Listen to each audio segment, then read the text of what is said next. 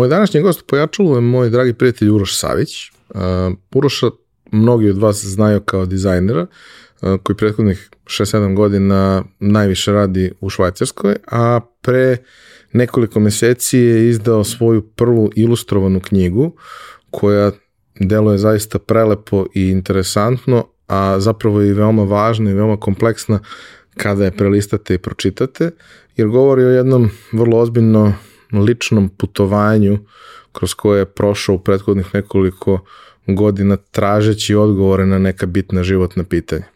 Ali ova epizoda je jednim malim delom u knjizi, jednim velikim delom o tome kako 15 e, godina posvećenog rada i veoma zdravog i dobrog odnosa prema poslu na kraju vas dovedu u situaciju da radite neke neverovatno velike i dobre stvari. I to je to, nema trika, samo 15 godina ili 10 u nekim drugim slučajevima. Uživajte. Realizaciju ove epizode pojačala podržala je kompanija Epson. Epson je već više od 20 godina vodeći svetski proizvođač projektora i štampača za sve namene od onih kućnih do profesionalnih. Posebno vam skrećemo pažnju na aktualnu ponudu Epson Business štampača. Naime, ukoliko je došlo vreme da kupujete štampače za vaše poslovne potrebe ili da zanovite trenutnu flotu štampača koju imate, obavezno istražite koja to sve rešenja Epson nudi, jer pored zaista sjajnih štampača koji vam nude besprekoran kvalitet otiska, mnogo manju potrošnju električne energije, mnogo manje otpada generisanog u procesu, uz Epson rešenje uvek dobijete i celu paletu softvera koja se kod drugih proizvođača doplaćuje, a ovde dolazi besplatno za sve njihove korisnike. Za više informacija pogledajte businessprint.com, piše se onako kako se izgovara. Hvala vam. Ukoliko ste iz Sjedinjenih država ili sa severnoameričkog kontinenta, pojačalo možete svake nedelje od 20 časova po CST vremenu slušati i na viberadio.us. Novi partner našeg podcasta je advokatska kancelarija OC Law iz Čikaga. Da li imate nedoumicu u vezi sa emigracijom u SAD ili vam je potreban savjet advokata u vezi sa američkim vizama svih vrsta? Sve odgovore možete pronaći na oclaw.us ili zelanakarta.us. Za slučaj da želite da nas podržite vi individualno, uh, možete da posetite link u opisu podcasta na platformi Buy Me A Coffee i tu možete kupiti mesečnu pretplatu ili jednokratno donirati neki jednost koji želite. Hvala vam unapred na tom.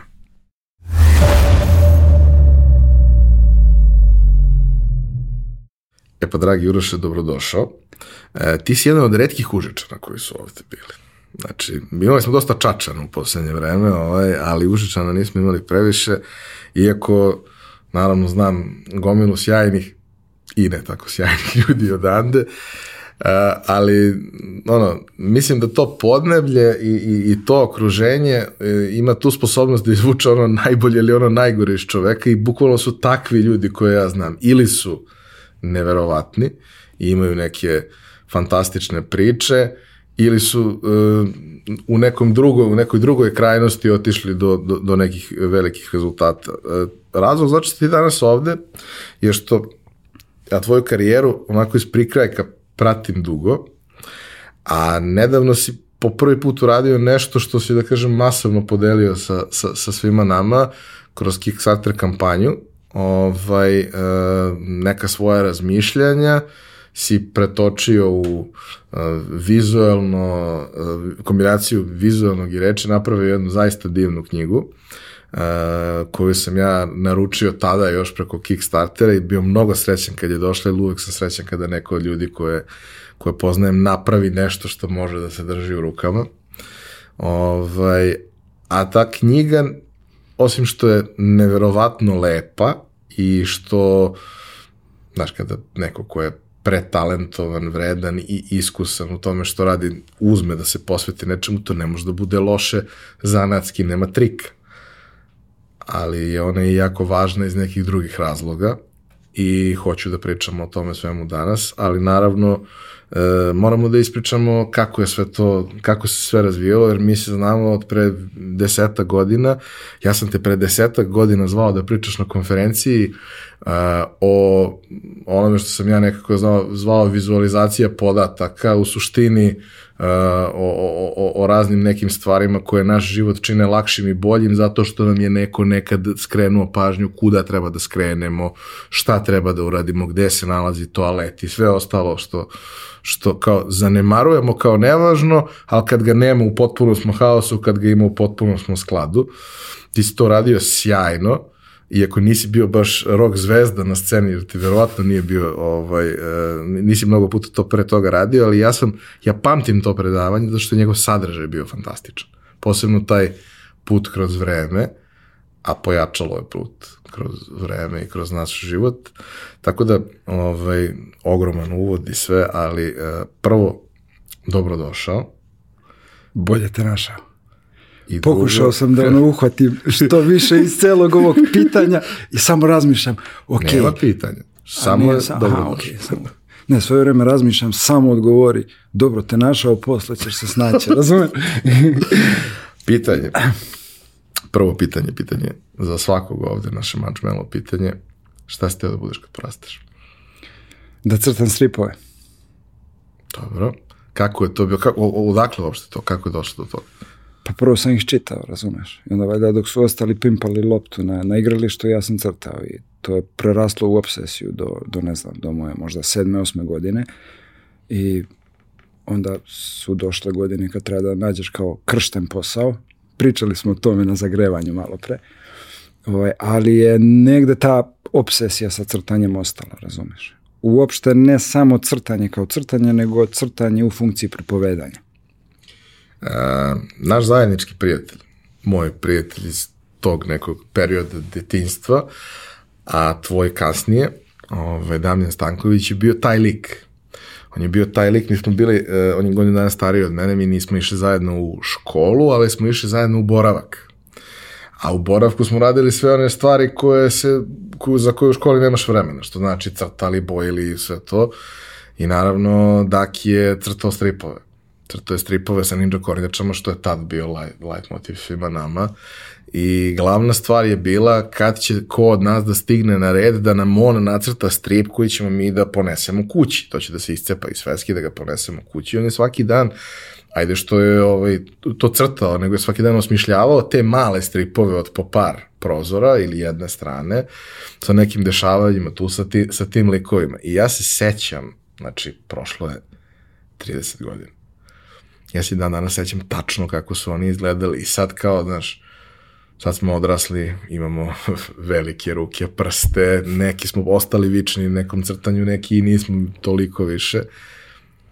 Nije to bilo uopšte toliko dobro nacrtano, ali bilo neverovatno dobro za, za, za neko ko ima 8 godina u tom trenutku i ko je ono od prvog do 30. dok smo se svi izređali da dobijemo svoje, taj 30. je izgledao fantastično. I naravno, sve što je posle da, Damljan u životu crtao i kako se profilisao, je negde počelo verovatno iz, iz takvih stvari. Ja sam imao slično, ali nisam otišao na tu stranu. Uh, nažalost, mno, mnogo često mi imamo te situacije da ne možemo da ono što volimo i u čemu smo dobri i zašto imamo talent, to nije posao. To može da bude lep hobi, ali mhm. teško može da bude posao. Ovaj, zato ja često, mislim, zato često pitam ljude, a u svakoj epizodi mi je to prvo pitanje, kao šta si teo da budeš kad porasteš, zato što ako je to nešto što si stvarno toliko voleo kad si bio mali, bio dobar u tome, bio posvećen, morao si naći način da ga kasnije ugradiš u život u nekom obliku. Nije to možda profesija, možda je hobi, možda je deo profesije, ali moralo je nekako da nađe svoj put. Ovaj, kako je u tvom slučaju to teklo da ovaj, ti prvo prihvatiš da možda to neće biti baš to, uh mhm. -huh. a šta je onda alternativa? Kako uopšte izgleda, uh, da kažem, taj moment kad ti, ti znaš da si ti dobar, ok, u, u, svom, u svojoj školi si najbolji, ali, znaš, to nije merilo ničega. merilo je kada ti izađeš iz okvira nekog svog okruženja i onda mm -hmm. shvatiš da si zapravo zapravo ok i onda počnu da se rađaju i neke ideje da to možda može bude nešto više od samo eto ja to crtam u slobodno vreme jer volim. Kako je to teko? Pa postepeno. U stvari prvo sam pomislio da hoću da napravim tako nešto, bar jedno. Razumeš? Ono što smo isto malo prepričali, shvatio sam da sam posle 15 godina uradio gomilu proizvoda, što štampanih, digitalnih, za klijente i da kad god bih ulazio no, na neku novu teritoriju, bio bih jako nesiguran, perfekcionista, kako sad ovo, kako sad ono i odjednom ja budem plaćen za to, projekat prođe, ali nikad se nisam osjećao da je dovoljno to što tu stoji neko moje ime u nekoj futnoti, ilustracije, dizajn ili šta već uradio taj i taj. Razumeš? I onda sam rekao šta ako bi uh, se konačno usudio da uradiš nešto za sebe, pa makar samo taj jedan put. Ali na način da budeš potpuno zadovoljan onim što si dobio. No, tu pričamo sada o, o knjizi koju si, da, konkretno si objavio, ali ja hoću da te Aha. vratim 20 kusur godina unazad, kada ti okay. izlaziš iz okvira tvoje sveščice u kojoj skiciraš i, i ti shvataš i okruženje i ljudi oko tebe shvataju da si ti zapravo u tome dobar i da to, to nije samo, pa nije loš ima talenta, nego aha, aha, he, he is actually quite good. Pa prvo mislim da jako dugo nisam bio dobar u tome. Mislim da nisam bio dobar u tome kad sam završio fakultet. Imalo je tu dosta spona koje je falilo. Ja sam previše kasno ušao u digitalno baš Damjana si pomenuo. Razumiješ, ja kad sam upoznao Damjana i šta je on prvi dan fakulteta radio na kompjuteru, ja sam htio se pokupim i da odem na zadužice, razumiješ? Svi koji upoznaju Damjana žele da prestanu da se bave dizajnom. Hvala ti Damjane. ovaj, um, I mislim da me dosta progonilo to što sam proveo puno za papirom. Sa papirom i olovkom, tako da je to digitalno kod mene došlo dosta kasnije. Uh, posle fakulteta vratio sam se u Užice. A što, čekaj, kako je uopšte došlo do fakulteta? Pa morao sam nešto da studiram. Učio sam gimnaziju u Užicu i shvatio vremenom da nemam previše afiniteta za matematiku, fiziku, hemiju i više to bio sistem eliminacije. I onda sam bio u fazonu, ok, ako već uh, umeš da crtaš, šta je neka iole isplativa grana, industrija u kojoj ti možeš da iskoristiš svoj talent, a da ne moraš da sediš u banci i vrtiš neke brojeve od čega bi te odmah zabolila glava. I šta su bile opcije? Šta, šta su bile opcije kada si i pričao sa ljudima koji nešto slično rade? Pa arhitektura kao nešto najprimenjenije, što mislim da bi svakako bio ovaj loš izbor kako se posle tokom mog studiranja i kasnije tržište menjalo ja sam posle ovaj, rešio, ok, grafički dizajn bi bilo nešto dovoljno prihvatljivo, jer kao to je crtanje, to je neki dodir sa umetnošću, sa estetikom, a da opet ima komercijalnu primjenu. A strip? A strip je bio ono kao, jesi lud? Kakav strip? Um, strip je počeo uh, ajde recimo negde sa, sa sedam godina sam isto kod Damjan ono, čupao stranice i sveske, pa su posle to postale organizovane table. I uh, onda sam imao ludu sreću da upoznam jednog tako entuzijastu uh, Vladana Savića, prezimenjak, čovek koji je potpuno besplatno držao klincima časove crtanja stripa u Užicu. I on mi je onako ulio um, motivaciju da nastavim time da se bavim. I on mi objasnio, slušaj, prvo, ne crta se to na ovom običnom papiru, ovo ti je hamer papir i onda zapišem hamer papir da bih znao kad odem u knjižaru kako da ga tražim.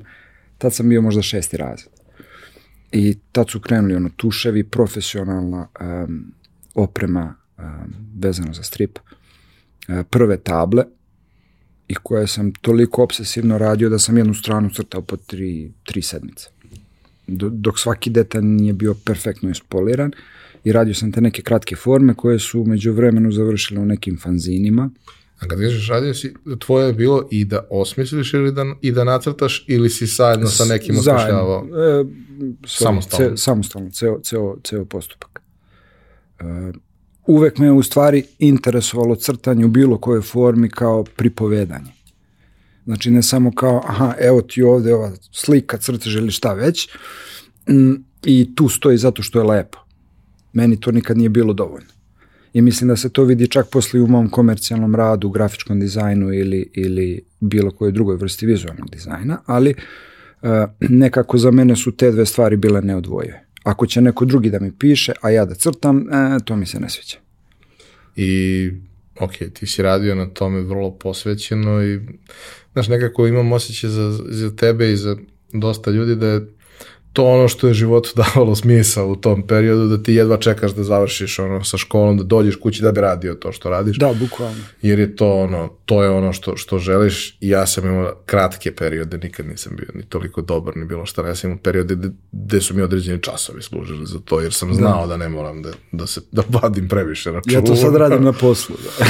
na primer, ovaj, ali kao to kad radiš za sebe i za taj neki tvoj krug prijatelja, pa čak i tog čoveka koji ti je ovaj, pomaga, da. učio i tako dalje, ipak je to neki uzak krug ljudi. Šta se dešava onog trenutka kad to dolazi do nekog ko ima iskustva, reputacije, kredibiliteta i on ti kaže kako je njegovo mišljenje o tome što si uradio. E, pa mislim da uh, prvi feedback koji sam dobio uvek je bio, od prvog je bio veoma pozitivan. I nekako uh, to me možda čak u početku izbunilo ili uplašilo, jer ono dovuku te kao klinja i kažu, e, slušaj, ovo je jako dobro. I odjednom osjećaš odgovornost. To više nije ono kao, ej, mogao bi ovo malo da unaprediš, mogao bi ovo i ti si sad zadovoljan, nastaviš da crtkaš, nego kao, e, sine, dođi ovde da sad pričamo malko, ovo je ozbiljno I, i ono kao u fazonu, o ne. Šta sad? Odjednom više nije zabavno. I um, mislim da sam tim intenzitetom, koliko se sećam, radio negde do 15. 16. godine. Tad je već krenula srednja škola, društvo, um, neka druga interesovanja, a i ozbiljniji rad u školi i onda je polako nestalo vremena za to i onda sam ja pokušao da glumim odraslu osobu, da kao, mhm, ok, ovo baš nije profitabilno, šta ćemo sada radimo, malo pričaš sa roditeljima i shvatiš, mm, morao bih da, da, da usmerim energiju na nešto drugo. A crtanje na tom nivou zahteva ono konstantan, konstantan rad i trening. Da, kao i ono kad, kad priča Stefan Milenković, koga znamo, ono, od kad je imao dve godine, da, da. sad ima 45, kao, pa dobro, a koliko sad vežbaš? Nakon ovoliko godina, koliko sad vežbaš? Pa kao od 8 do 12 sati da, ono, pa na, dobro. Na semaforu čeka zeleno. da, čisto ono, strašno, da. ali dobro.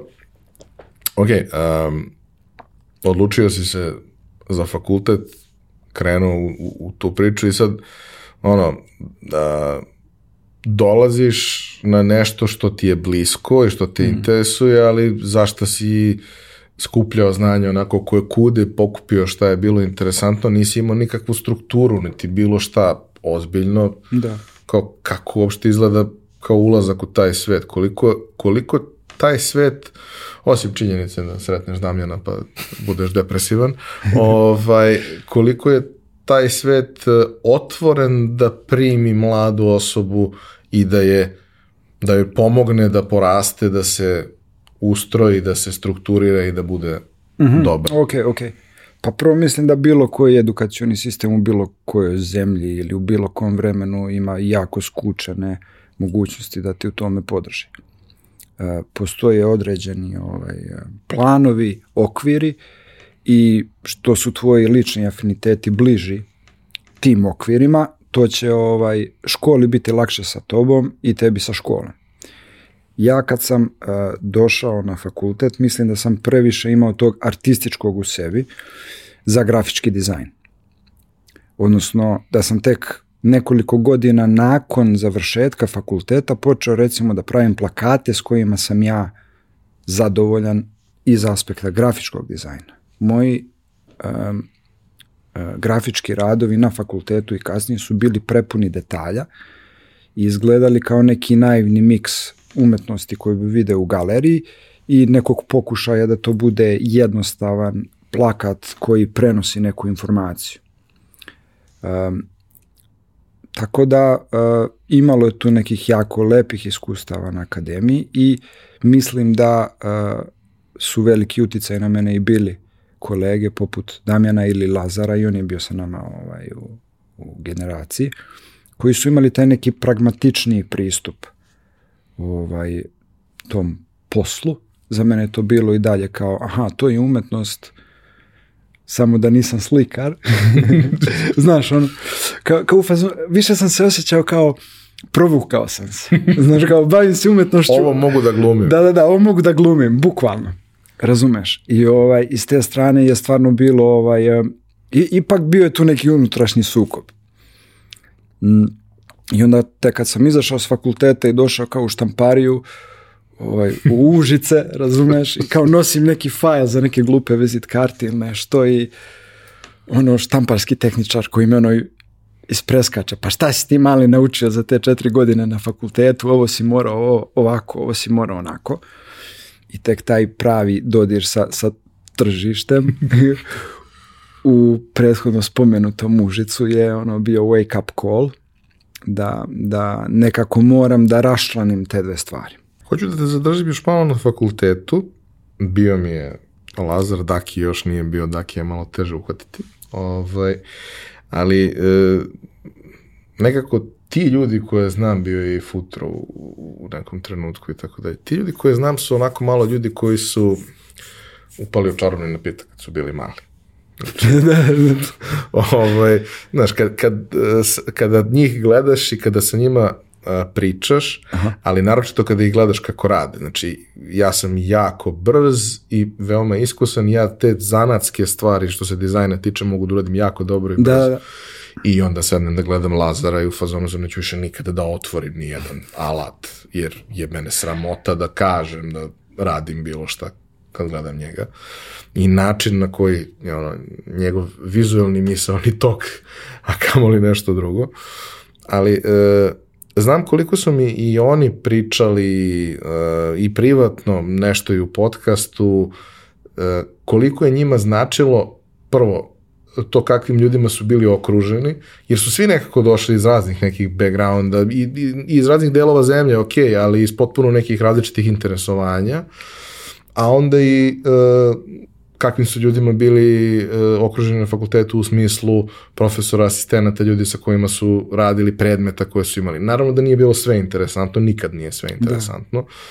ali bih voleo da se malo vratiš na to i da ono, te neke trenutke kada si doživeo neka, neka prosvetljenja, neke momente kada si shvatio neke zanimljive stvari, bilo da je to u pitanju šta želiš da radiš, a šta ne želiš, ili da nešto može i ovako ili da postoji čitav jedan svet za koji ti u tom trenutku nisi znao, jer mi stalno, mi što kopamo, mm -hmm. mi stalno iskopamo nešto što nismo znali da postoji, makoliko da je veliko.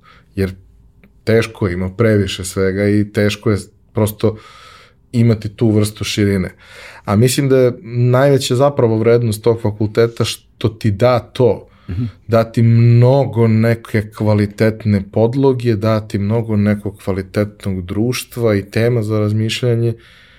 E sad šta ćeš ti na kraju da uradiš sa time, to je do tebe i možda te ne spremi dovoljno mm. za to, ali mislim da te ono na neki način te jako dobro spremi za život u, u, u tom nekom smislu. Kako to, kako to tebe, mislim nisam ga studirao, ja sam pričao kako meni deluje ovako iz priče sa ljudima, vidim koliko su svi oni ostali prijatelji, koliko gledaju da sarađuju na projektima i tako dalje, čak i ako su različite generacije, mm -hmm. ali otprilike u isto vreme su bili u tom nekom krugu, kao ono, kak, kako je tebi to izgledalo i dok si bio tamo i stvari sa kojima si se susretao, ti sad kažeš, kad si završio, shvatio si da, da nije bilo dobro. Pa da nije bilo dobro, ne, ne bi završio, samo ti imaš malo kriterijume kao da si iz Užica. Da, da, da. ovaj, uh, ali kao, kako je prosto to sve izgledalo, znaš, kao, Uh, mala ispravka, ne mislim da nije bilo dobro, uh, nego mislim da ja nisam bio uh, u poziciji da sve upijem što mi se ponudilo, za mene je to bio šok, razumeš. Um, dolaze ljudi sa prilično različitim životnim pričama, mislim, Damjan se vratio iz Amerike, um, um, a, gomila ljudi imala svoja potpuno različita interesovanja. Mislim da je cela klasa, što se tiče uh, i kolega, a i profesora, bila fenomenalna. I, i jedna prilično, jedan prilično srećan sticaj okolnosti da su se svi ti ljudi tada našli na fakultetu. Koliko sam gledao već kasnije, uh, struktura profesora, asistenata je bila nešto drugačija. I E, koliko god dolazili e, sa različitih strana i sa nekim različitim interesovanjima, na neki čudan način smo bili svi kompatibilni. I mislim da se to osetilo i mislim da su većina tih ljudi uradili nešto zabavno, zanimljivo ili fascinantno u nekom periodu života. Um, ono što je možda bio meni highlight, a što je baš odgovaralo mom senzibilitetu, se desilo, ja mislim, posle druge godine fakulteta, gde je naš profesor Dragan Zdravković organizovao jednu ono potpuno partizansku inicijativu da um, uz pomoć njegovog prijatelja iz srednje škole, ako se ja sad dobro sećam cele relacije, a taj prijatelj je Dejan Atanacković koji je pre par godina dobio Ninovu nagradu i koji je tada bio predavač na univerzitetu u Firenci. E, dakle, oni su organizovali tu akciju gde su nas poslali e, na neke tri sedmice, koliko se sećam, u Firencu na studijski program preko leta. Šta je u tome bilo partizanski? E, univerzitet na kome je Dejan tada radio, koliko se sećam, je bio neki ogranak nekog univerziteta iz Indijane. I onda su oni imali taj dom koji je bio prazan preko leta. I mi smo praktično trebali samo da platimo autobuske karte do tamo, a sve ostalo je bilo pokriveno i organizovano kroz taj program ili donacija opštine Firenca. I mi smo dobili sjajne predavače gde, e, i atelje. I prepodne bi išli sa tim predavačima i posećivali muzeje e, i ovaj crkve i gledali renesansnu umetnost mm, i dobili perspektivu ljudi kojima je upravo to posao. Znam da je bio jedan istoričar umetnosti iz, iz um, Britanije koji je već tu 20 godina i šta radi, samo izučava renesansnu umetnost. Naravno, uh, pre toga sam ja to imao kroz obrazovanje i u srednjoj školi, pa posle na fakultetu, ali kad ti neko tako sažme i izložite tome, ti ostaneš potpuno fasciniran. I onda cela ideja Inače, renesansu puno volim kao, kao, kao oblast umetnosti i s obzirom da sam imao taj izraži, izrazito umetnički uh, potpis i u svom grafičkom dizajnu, um, to mi je mnogo prijalo. Um, a popodne bi išli u atelje i na kraju bi imali uh, izložbu gde bi uh, prikazali svoje radove. Uh, I to je nešto najartističkije što ovaj um, što smo mi provukli kroz iskustvo na, na, na fakultetu. Taj moment kada ja vidim da tamo, na, na primjer ispred Ufići galerije, stoje ove skulpture um, svih značajnih umetnika, pisaca, vajara, skulptora, um, slikara, fizičara i svih bitnih uh, ljudi uh, u renesansi. Ti shvatiš po onome što piše na, na njihovim bistama da su oni svi živeli u nekom periodu od 70 godina. I onda ti vidiš šta je Michelangelo uradio i pročitaš da je e, proveo dve godine u kamenolomu birajući kamen za, čini mi se, Davida. Um, ti shvatiš koliko vredi raditi na nečemu temeljno, postepeno i uporno i da rezultat ne može biti loš. Može, može, ali ako ne. opstane test vremena, ako preživi da. test vremena, onda je spektakularan. Da, ali ako, uh, pazi, uh, to je neko iskustvo koje sam posle dobio i preseljenjem u Švajcarsku. Mislim da je u našem mentalitetu ostalo da se dovijamo i da tražimo brza rešenja sa brzim rezultatima, jer već sutra ovaj, uh, možda ne bude te firme.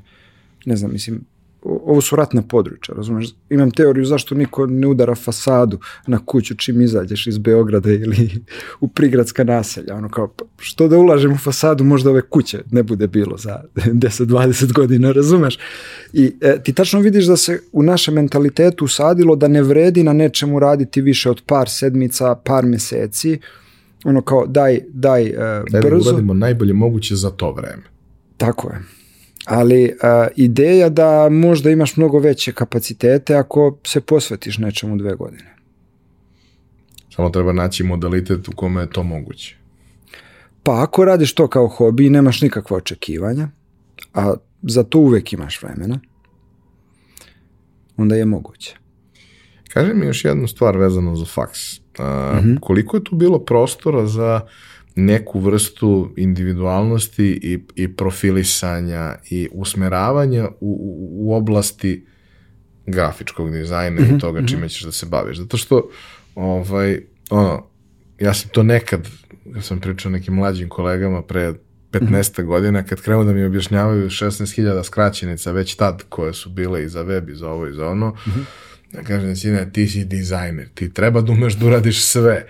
Možda za pet godina to što ti sada radiš postane dovoljno razvijena oblast da ti možeš da kažeš, e, ja sam sad samo UI ili UX, Da.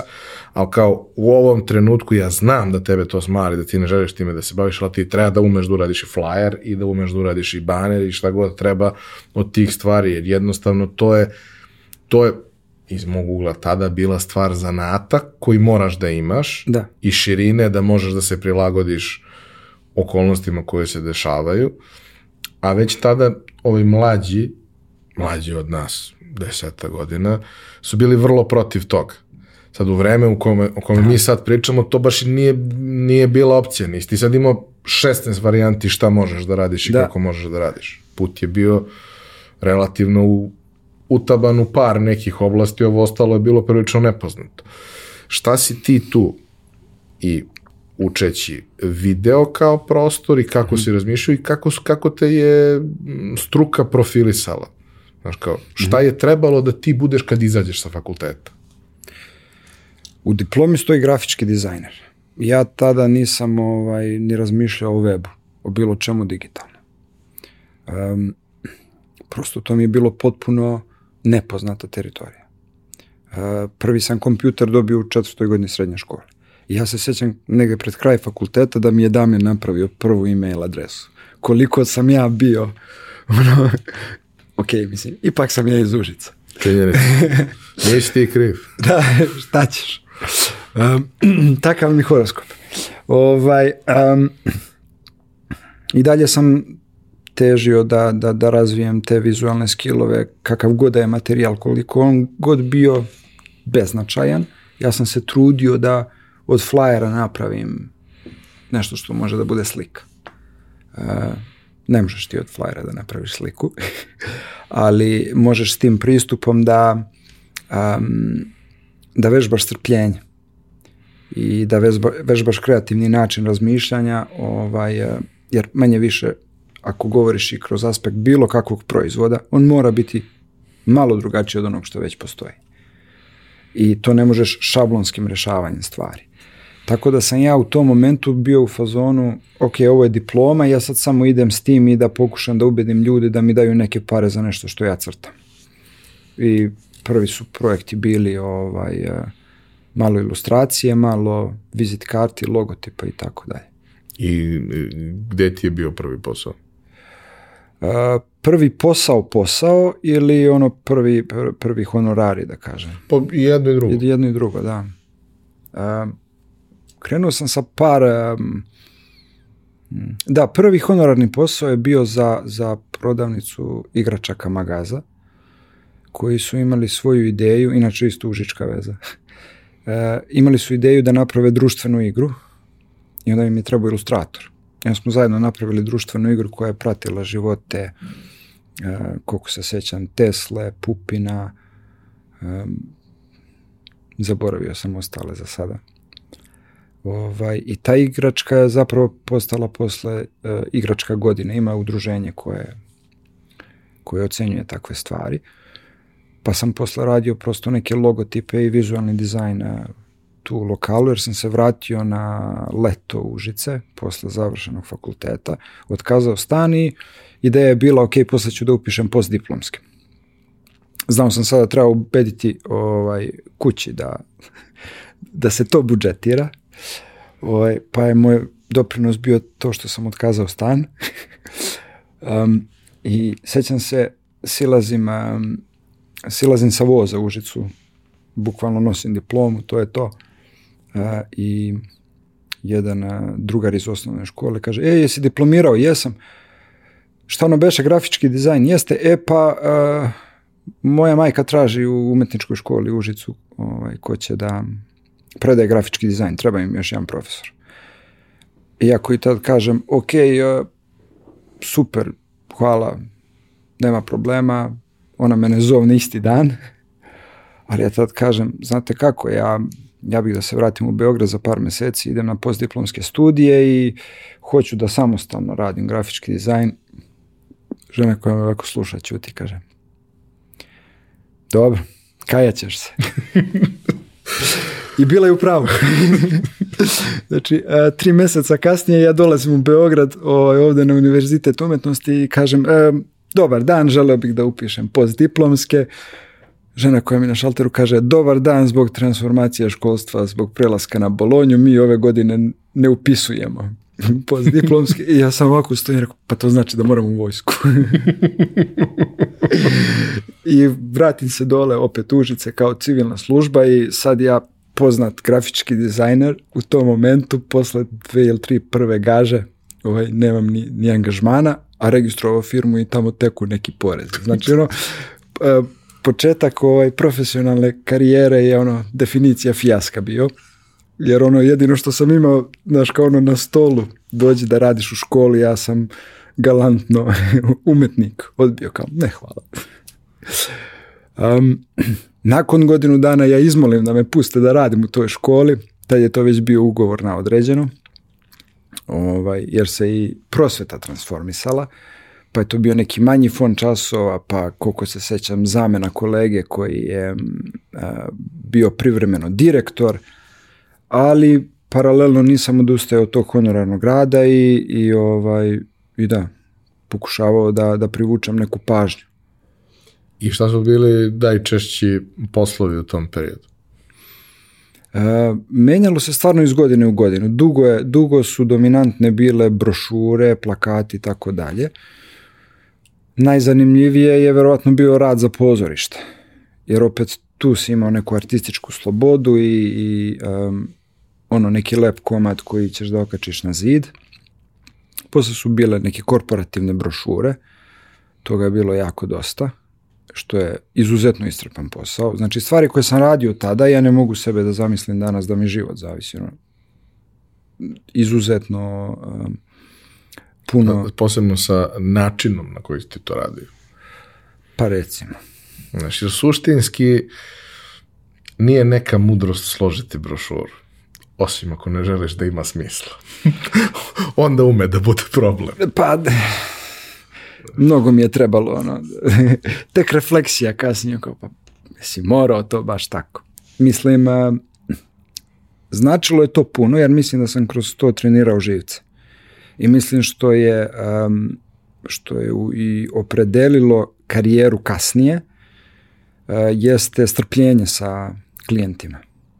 I uh, ako ja hoću da napravim nešto smisleno, to znači da moram jako dobro da razumem šta osoba koja je naručilac želi da postigne s time.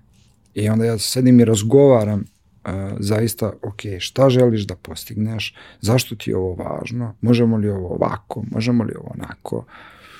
Um, I uh, kasnije se taj skill um, pokazao presudan da, da, da dobijem posao u Švajcarskoj, da radim ono što danas radim.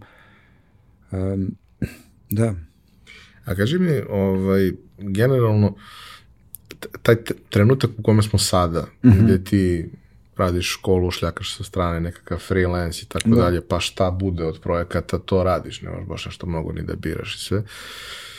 to je nekako iznuđeno rešenje koje u tom trenutku imaš, ali, znaš, prolazi vreme i pretpostavljam da imaš neke ciljeve, želje, neku ideju kuda bi to trebalo da ide. To što imaš ideju ne znači da će to tamo da ide, ali da, da ajde da kažemo da da postoji neka vizija, nešto, postoje neki kontakti, pričaš s nekim ljudima, vidiš šta su neke mogućnosti, sam kažeš, mm -hmm. ono, ti si dobio, iz godine u godinu su se stvari menjale, što znači da si ti suštinski iz godine u godinu vrlo dobro mogu da pratiš neki puls tržišta i da, da mm -hmm.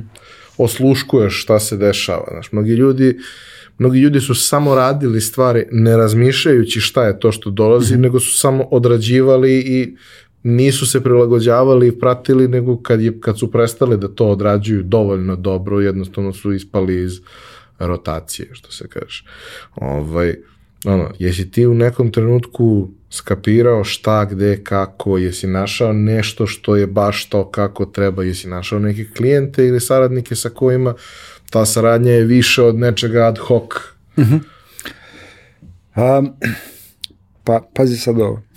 Kad si me zvao ovaj, da gostujem u Pojačalu, ja odem na YouTube da se informišem, da vidim kakva je forma razgovora i prelistam onda goste i rekao, o, evo ga Laki, razumeš?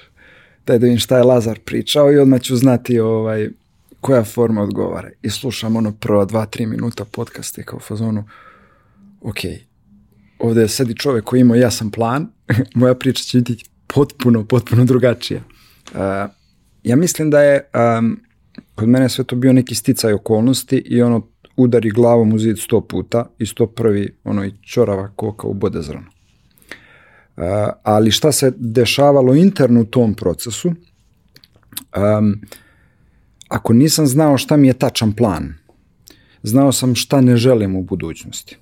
I onda se taj progres desio iz neke unutrašnje negacije. Odnosno, trudio sam se bez obzira ko mi je klijent ili u kakvom se nalazim poslovnom aranžmanu, da a, svaki zadatak i projekat tretiram sa istom ozbiljnošću.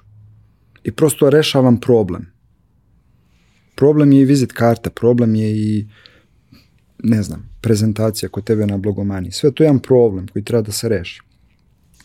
I ako stekneš kapacitet da rešavaš probleme na neki uh, efektan način, ljudi će to nekako prepoznati i povući te sa sobom. I uh, bukvalno organski, čo, na primjer, uh, prva značajna, pa ne, možda i najvažnija promena, pazi sad priču, um, komšinka moje majke, njen sin je u Kanadi, ne znam, od 91. druge. I to je cela generacija ETF-ovaca koji su otišli tamo i sad godinama kasnije imaju svoje firme, svi rade neki IT nešto. I čovjek me zove i pita, kaže, e pa čujem da radiš e, ilustracije, vizit karte, brošure. I ja počinjem saradnju sa njim e, na tim materijalima. E, onda me on upoznaje sa jednim svojim kumom, drugim svojim kumom, svi ti koji su tamo i time ljudi zovu za, ne znam, različite PDF-ove koje downloaduješ na njihovom sajtu um, da bi mi jednog dana pitali da im uradim website. E, tu sam se ja već polako spremao sa svojim drugarom uh, Dragom iz srednje škole, koji je isto ETF-ovac, uh, da krenemo i mi u taj web dizajn. Mislim. ne može biti toliko komplikovan. Da, da, da, otprilike. Uh, I svi ti projekti su bili izuzetno iscrpljujući i nespretni, jer ono, razumeš, pokušam da uradim prvi put nešto što, ono, sam trebao možda da savladam na fakultetu ili da bar uzmem u razmatranje, a radim ga pet godina kasnije.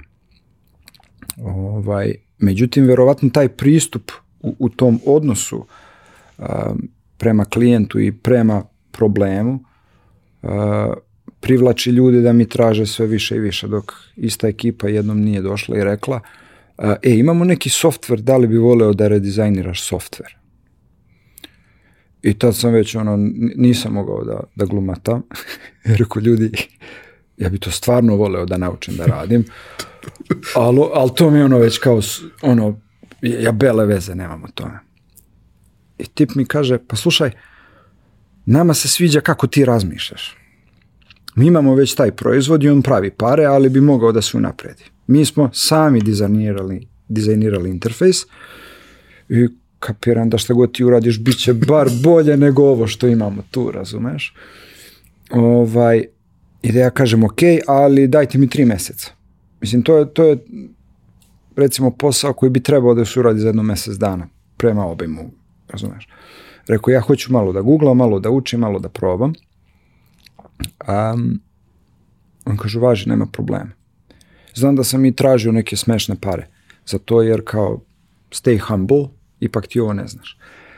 Uh, mi smo uradili taj dizajn, bio je ono cool projekat, ali ja sam rekao na kraju, znate šta bi ja sad uradio, ja bi ovo redizajnirao sve iz početka. I oni kažu, znaš šta, i mi bi. Jer pričajući sa tobom mi smo naučili mnogo o našem proizvodu i sad bi ti mi dali drugačije inpute. Pošalji nam fakturu za ovo što smo sad uradili, mi ćemo to da iskoristimo i odmah krećemo varijantu 2. Ispostavilo se da četiri ili pet godina kasnije upravo taj projekat u mom portfoliju meni e, donosi moj e, posao na kome danas radim već pet godina u, u Sviskom. E, jedan od razloga zašto ti danas ovde, osim što si napravio cool knjigu i Da. predavanje. Zato što ja iz e, razgovora sa nekim ljudima koji te poznaju znam kako radiš. Da. I ja sam to kada sam kao 200 epizoda kasnije kada sam konačno shvatio šta ja ovde radim, pošto kao bilo je preduzetništvo, pa, ovo, Da, da. pa ono, pa sve to nekako zajedno, ali na kraju dana nema veze sa tim, ima veze sa tim da ja ovde dovodim ljude koji nemaju problem da sebi komplikuju život. da, da, da, da. Jer tu nastaje magija. Da. Znaš, onaj što je uzeo i napravio, našao je recept za vanilice i napravio je svaki put iste vanilice po tom receptu, taj možda pravi dobre vanilice, ali taj nije napravio ništa originalno u životu. Nije učinio ni svet e, poslastičarstva, ni život svoje familije, ni bilo koga bolji. Obično, kad uzmeš da menjaš recept, ne bude svaki put kako treba Da. ali ne bude isto. Pa ako probaš pet puta ili sto puta, ako si iz Užica, onda postoji šansa da ubodeš nešto što bude mnogo bolje. Da. Ili bude malo bolje, ili bude drugačije, ili vidiš nešto, otvoriti se toliko mogućnosti u tom procesu i ono, to preterano analiziranje stvari, stalno će da ljudi govore kako je to pogubno i tako dalje. Pogubno je ako ti ostaneš večno zarobljen u tome, nesposoban da doneseš odluku. Ali preterano analiziranje stvari znači da ti proces učenja za koji je nekom potrebno pet godina završiš za godinu dana. Jer si razmislio o svemu jako dobro i imaš ideju. Nemaš možda dovoljno iskustva, ali nisi došao i nemaš predstavu, nego si došao i imaš mnogo pitanja na koje ćeš sebi da daš odgovore i izaći ćeš sa nekim rezultatom iz svega toga. Zato mi je taj moment, ono, znaš, sad, sad deluje kao, ja nisam znao šta da radim, a nisi ti, ti, ti nisi teo da priznaš da ono, Moguće, da. Nemaš frku da se uhvatiš u koštac sa nečim što ne znaš, jer nije to toliko daleko i strašno, to je nešto do čega ćeš da dođeš. Samo ono, nemojte mi dati sedam dana, nego mi dajte Da. tri meseca da to uradim. Šta je bilo dalje? Šta je dalje radio? Um, šta sam dalje radio? U međuvremenu sam bio u Crvenoj zvezdi, godinu i po dana, u onom zlatnom periodu kada je, um, ne znam, minus postao nekih, ne znam, 45-50 miliona, uh, u periodu kad uh, sam dobio prvo dete i kad nisam primio 8 ili 9 plata za redom i onda sam radio noću freelance da bi platio kiriju um, i o, kao uh, sećam se i dalje razgovora sa, sa ovaj, um, mislim uvijek sam bio inovativan, odem kod direktora i kažem mogu li ja da radim od kuće. Znači to je bilo mnogo pre covida. Kao, kako misliš da, da radiš od kuće? Rekao, pa lepo, mislim, imamo mail, imamo Skype, ja imam kompjuter, sedim tu, radim, gazela se vamo pravi, a ja živim na, na, na Novom Beogradu. Ovaj, mnogo bi mi značilo, ovaj, gubim vreme, a ono, svakako nemam interakciju s drugim kolegama, jedini sam dizajner u marketingu. On kaže, pa da, ali šta bi rekli drugi, druge kolege, to nema smisla, mislim, kako ću da objasnim ovome što radi online shop ovo. Ja rekao, pa znaš što još nema smisla, da ja radim uveče kući, ovaj, freelance, da bi natočio gorivo, da dođem kod tebe na posao, a ti nemaš da mi daš za platu. Uglavnom nisam dobio da radim od kuće, ali nisam ni ostao još dugo tu da radim. Ovaj, vratio sam se Užice i tamo uh, sam um, postao, kako se to ta zvo, direktor marketinga. A u principu opet sedi crtaj plakate, postere i pomogli nam malo sa prodajom karata. I to je bilo jako lepo jer te sam ljude već poznavao 4-5 godina i bilo mi je zabavno da radim uh, u pozorištu. Opet, znaš, vidiš neke umetnike tu nešto rade i humanija je ovaj, atmosfera nego u nekoj korporaciji. A kaži mi taj moment da u suštini ti u paraleli i dalje radiš različite stvari, potpuno da. različite stvari. Da. Upravo ono što sam ja pričao, kao ti, šta si ti, ti dizajner za sve što treba, ljudi da. dođu pa se ti baviš tim. Kako je ono, kad je krenulo da se, kad si krenuo prosto neke stvari da odbacuješ i da se fokusiraš i da ideš u nekom konkretnijem smeru? Pa jedan dan je bilo ovaj, kao u čoveče ovako više ne može. Sad pazi, ima tu jedan moment, mislim, meni uh, su oba roditelja pravnici. Proveli ceo životni vek u jednoj firmi. Otac radio na železnici, majka radila u fabrici i ti nemaš baš taj preduzetnički spirit ili ideju, mislim, jedino što možeš da prepišeš iz tog okruženja je kako da otvoriš kafić ili pekaru. Razumeš, ali za, za sve te abstraktne aktivnosti ti, ti, ti tu nemaš baš ono ideju. A, mnogo, mi je pozna, a, mnogo mi je pomogao exchange kasnije sa, sa Lazarom i, i Damjanom, ali nismo se više viđali tako često, imali bi neki phone call tu i tamo. I sve ipak bilo to teže pratiti uh, iz, uh, iz Užica. S tim što povratak Užice je, tad sam već imao prvi cilj. Uh, prvi cilj je bio, ok, ako ja ostanem ovde u Beogradu i dovijam se kako sam do sada, to će mi ubiti svoju energiju i motivaciju da ja nađem a, bolji posao. U tom momentu su možda cilj bili Nordeus ili prve te kompanije koje su, gde je neki artista ili vizualni dizajner imao neku a, malo bolju platu. S obzirom da sam već imao dete i porodicu, nisam baš mogao da eksperimentišem sa svojim vremenom i resursima u nedogled. Ovaj, m, I onda je bila ideja povratka Užice da, da, da ovaj, uh, uradim dobre projekte, napravim određeni portfolio, provedem dve ili tri godine i onda se vratim u Beograd direktno na posao sa kojim znam da ću biti zadovoljan. Umjesto da, da ono tumaram po Beogradu i skačem od prilike do prilike. Jer sam pričao tu sa već par uh, marketinških agencija gde sam razmišljao da se zaposlim posla Zvezde i shvatio da, da, da lova koju su oni u tom momentu nudili meni nije bila dovoljna za, za porodični život. E, I na kraju je taj e, projekat zapravo uspeo. Znači, tri godine kasnije, kako se ispostavilo, ja nisam završio u Beogradu, ja sam završio u Cirihu. A šta si radio te tri godine? Šta, kakvi su to projekti bili, za koga? Kako, su, kako si dolazio do njih? To, to, to je već, pa, pa sve bilo to... Um, priča uh, po nekoj vrsti preporuke. Ovaj, uh, bila je ta grana gde sam radio za Toronto. Onda mislim dođem tu i tamo u Beograd na te neke skupove. Bilo je tu pa, pa, sasvim par kontakata i par ljudi koji su imali ono super ideje i projekte gde bi mi davali odrešene ruke. Ništa to nije bilo uh, finansijski toliko rentabilno, ali uvek, uvek sam dobio neke iščašene projekte, uvek sam dobio nešto što ostali ne bi hteli da se s time zamlačuju, razumeš? Ovaj, I a, to je bila ludačka sreća. Razumeš, to, to, to je stvarno bio ono jedan jeziv kapital, ja sam tad bio isfrustriran što, aha, ja radim ovo i to je toliko teško, a opet budžet je mali i nekako su mi konstantno takvi projekti dolazili, dok nisam postao svestan koliko sam naučio kroz to i kako mislim, samo pouzdanje se gradi iznutra, razumeš?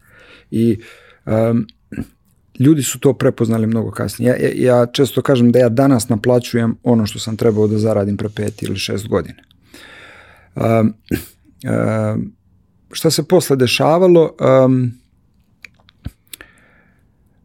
uh, jedan interesantan susret. U, uh, umeđu vremenu sam sa još jednim uh, poznanikom iz Užica, drugarom sada, uh, Mikicom, otvorio prvu kao uh, online agenciju gdje smo imali uh, klijente uh, iz inostranstva za isto tako neke sitne projekte, web strane, uh, gdje kad smo radili u tom tandemu, sedimo zajedno i ja dizajniram, on programira, brza isporuka, kvalitet i ostalo.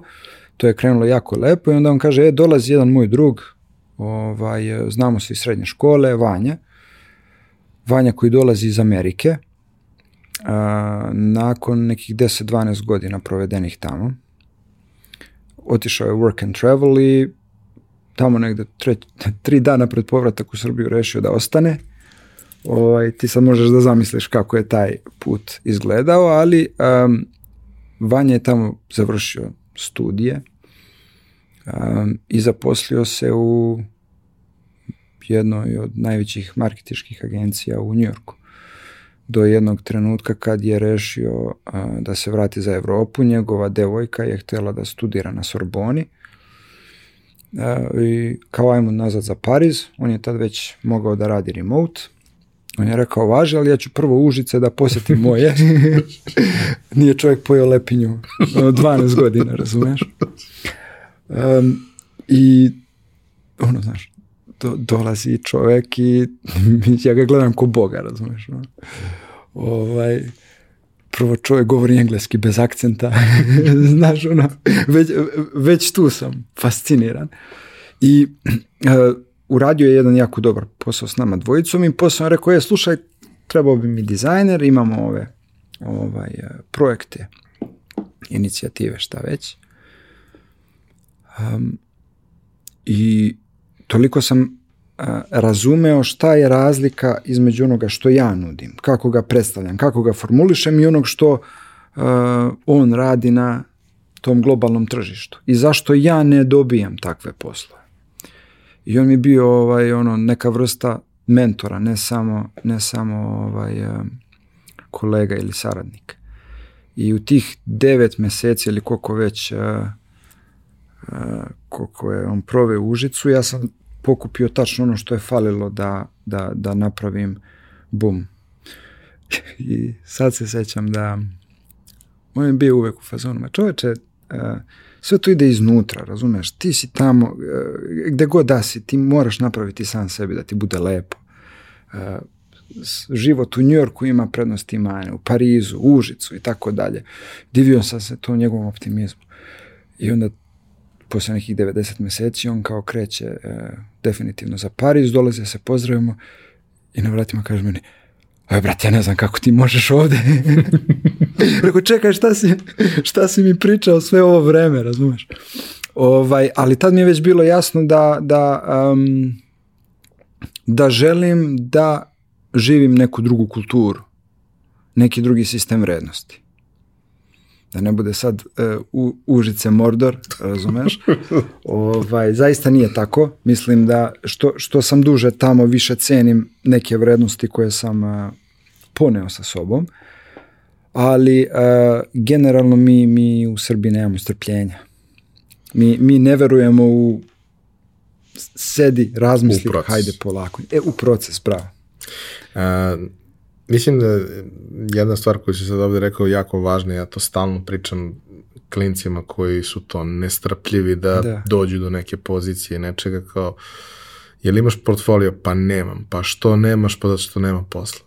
Brate, idi pojuri posao koji ti neće biti plaćen, ali ćeš dobiti da ga ti uradiš onako kako misliš da treba, pa ne znam, ako je, ako je ono mali brand džemova, ajvara i toga, napravi im ambalažu, etiketu i napravi im sajt, ne moraju ti plati ništa, nek ti daju neki ajvar, to nikad nije loše da se dobija. da, da, da, da. Ovaj, ili mogu i da te plate nešto sitno, ali insistiraj na tome da ti to uradiš onako kako ti misliš da treba.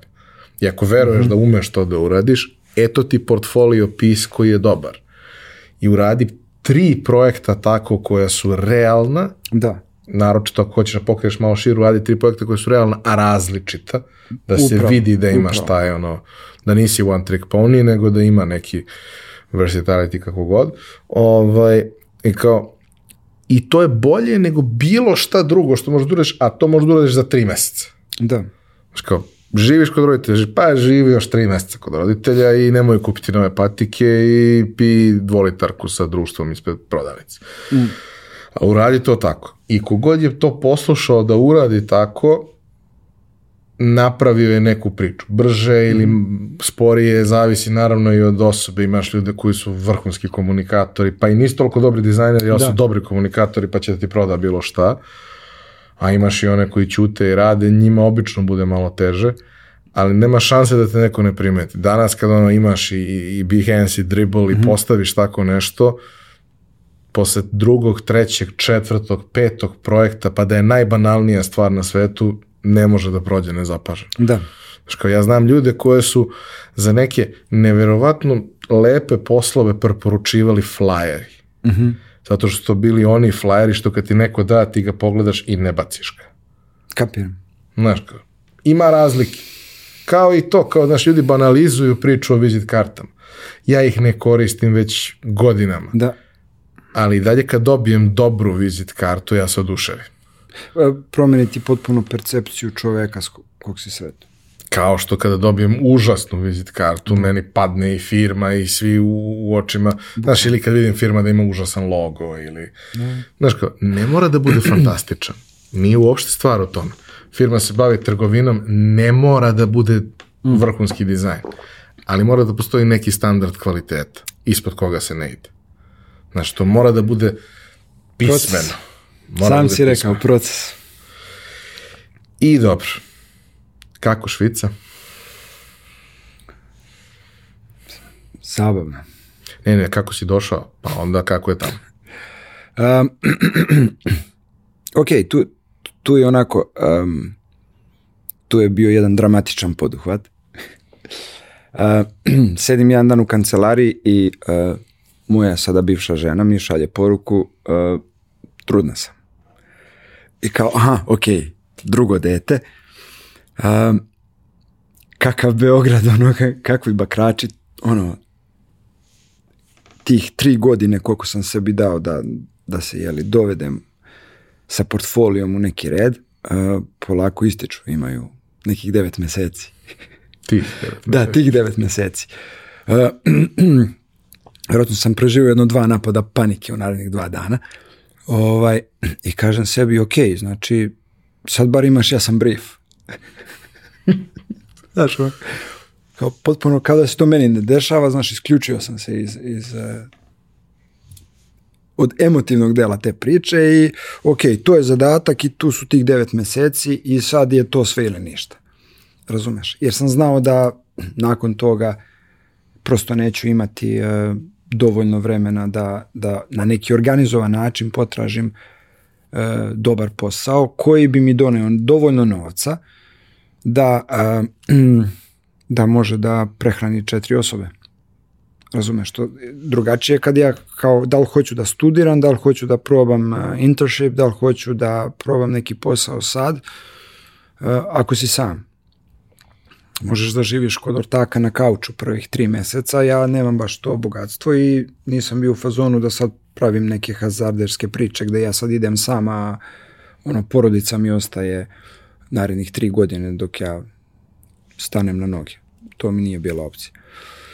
Um, I ja onda opet zovem Vanju koji je tad još uvek bio u Užicu i kao šta, šta da radim, kako da napravim dobar sajt kako da iskoristim ovo što već imam i ako nešto fali, ovaj, šta bi to moglo da bude. Onda zovem Lazara, onda zovem Damjana. Znači, uh, prvo UX interview, što ja nisam znao da sam to radio, ali u praksi sam to sproveo. I uh, nađem nekih 4-5 sajtova um, koji su mi se baš svideli, portfolio sajtova, i bukvalno ono odštampam i krenem da flomasterom ovde mi se sviđa ovo, od ovog tipa ću da ukradem ovo, ovo bih voleo da umem, ali ne umem, pa neću ni probati. Taj portfolio, uh, pazi, u tom momentu uh, ja radim isključivo freelance i uh, imam još uh, jednog kolegu, drugara koji mi je bio neka vrsta asistenta koji mi ono, spa, spasao mi je život sa, sa imao je izuzetnu izuzetno strpljenje za detalje i da dovrši set vizit karti ili neki content da ubaci na sajt. Tako da sam mogao da se bacim samo na kreativan rad. Tri meseca smo nas dvoje uh, non stop radili na, na tom uh, portfolio sajtu i da dodam na onaj tvoj savjet od malo pre, uh, nisu samo portfolio items bitni, nego i ka kako su poslagani. Ne govorim tu o redosledu um, da li ću prvo ovu galeriju ili ovu galeriju, već uh, kako kombinuješ tekstualni i vizualni sadržaj, u kojoj količini kako želiš da te dožive danas. Taj tvoj sajt već može da bude potpuno drugačiji za godinu dana, jer ti možda imaš potpuno drugačije ideje što se tiče svoje karijere, iako si ti dalje dizajner. Um, posle nekih tri meseca taj sajt je konačno bio gotov i dok sam ja tako gledao u kojoj firmu u Beogradu će da pošaljem taj portfolio i da tražim neku masnu platu, um, javim se na taj oglas za dizajner, recimo za banere i tako, za, za, za, za neki sajt uh, koji se bavio UX-om, uh, sajt iz Danske. I ja se javim na taj oglas, da, hoću da radim te banere i ostalo sam bio u fazonu super, mislim, dok, dok ja smislim gde ću ja u Beogradu, ovo će da bude jako dobra lova. E, čovjek me zove na Skype posle dva sata i kaže, e, dobio sam tvoj, e, tvoju aplikaciju, ali ja bih tebi da dam drugi posao, ja bih da ti budeš lead dizajner ovde. I čovjek mi, mi se tu kao ono pregovaramo plata i ja sad ono rekao daj da zveknem neku cifru, razumeš? Poenta što to uopšte nije neka cifra. To je bila neka cifra u mojoj glavi. I tip koji pristaje na, um, sad ću ti reći tačno, mislim da je bilo oko 1800 evra. Za mene su to bile ne znam koje pare, razumeš? I ovaj, on kaže, da, da, da, može. I ovako, E, e, e, to je scenarij na koji ja nisam bio spreman. ja kao opet, uh, samo da proverim još, jed, znaš, primičem se onom ekranu, onom Skype, razumeš, kako da pričam na slušalicu. ovaj, znači, 1800, jel da? Uh, da, da, da, nije, ja ovako koji pišem cifru na papir, čisto da proverim posle sam sa sobom, pa ti vidi kakve su bile moje, moje, moje finansijske nedaće pre toga kad je meni ta cifra, ono, bila gromada. Uglavnom ja dobijem taj posao i krenem sutra da radim. Mm, par, uh, možda nekih mesec, mesec i po dana kasnije, uh, zove čovjek na team building na Tajland.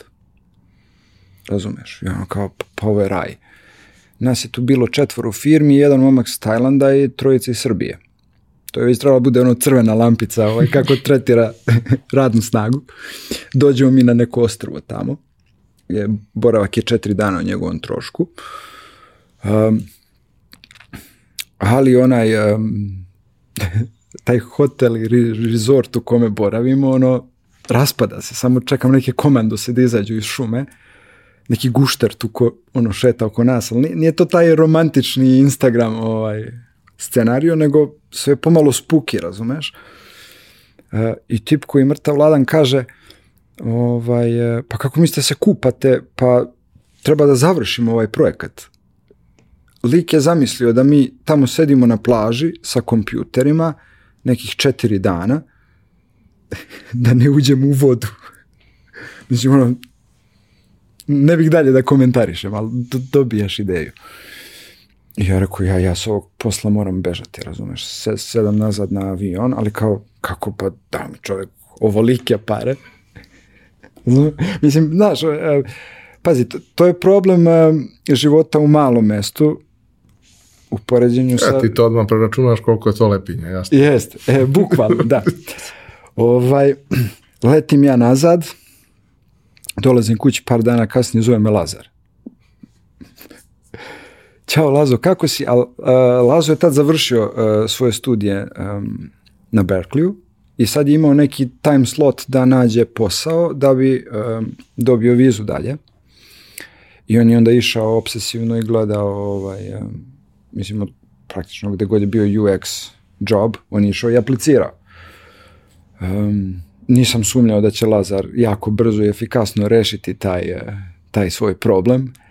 Um, I onda on kaže meni, e, slušaj, bile su dve firme i um, obe su mi ponudile posao, ja sam odlučio za jednu i sad me pitaju iz ove druge da li imaju nekog ko bi uh, mogao da radi taj posao, znaš, kao preporuku. Ja sam rekao da imam tipa drugar moj uh, iz, sa fakulteta koji je um, um, kao u Srbiji. Oni su rekli da nema problema. I ja sad već ona cifra znao sam da je mala. Podignem na to mnogo, mnogo viši nivo. Par uh, sedmica kasnije ja sam u avionu za San Francisco, uh, gde treba da upoznam ostatak tima, tim iz Pariza. Međutim, ja tad nisam imao dovoljno iskustva za taj posao. Sad mogu da budem iskren prema sebi. Uh, potpuno mi je bilo nejasno kako to funkcioniše u nekom korporativnom okruženju, razumeš, i koje druge komunikacione sposobnosti ti treba da imaš da bi na dnevnom nivou radio sa, sa ovaj, programerima, menadžerima i tako dalje. Ali ja sam to hteo da probam da iskoristim, da dobijem papire za Ameriku. I u startu sam rekao uh, vlasniku firme da, da je to neki moj ultimativni cilj, jer tad mi je već bilo jasno, ok, Beograd bi baš bio zadnja opcija, očigledno da ako neke firme uh, vani uh, cene moj rad sad već dovoljno da rade sa mnom remotely, da pre ili kasnije će se ukazati prilika ili naći će se neko ko je spreman i da me dovede tamo da živim. Um, oni su im ponudili da odem u njihovu centralu u Pariz, ja to nisam želeo. Vratio sam se i 3-4 meseca kasnije oni su mi, uh, oni su raskinuli ugovor sa mnom. Pre toga CEO je radio zapravo dizajn.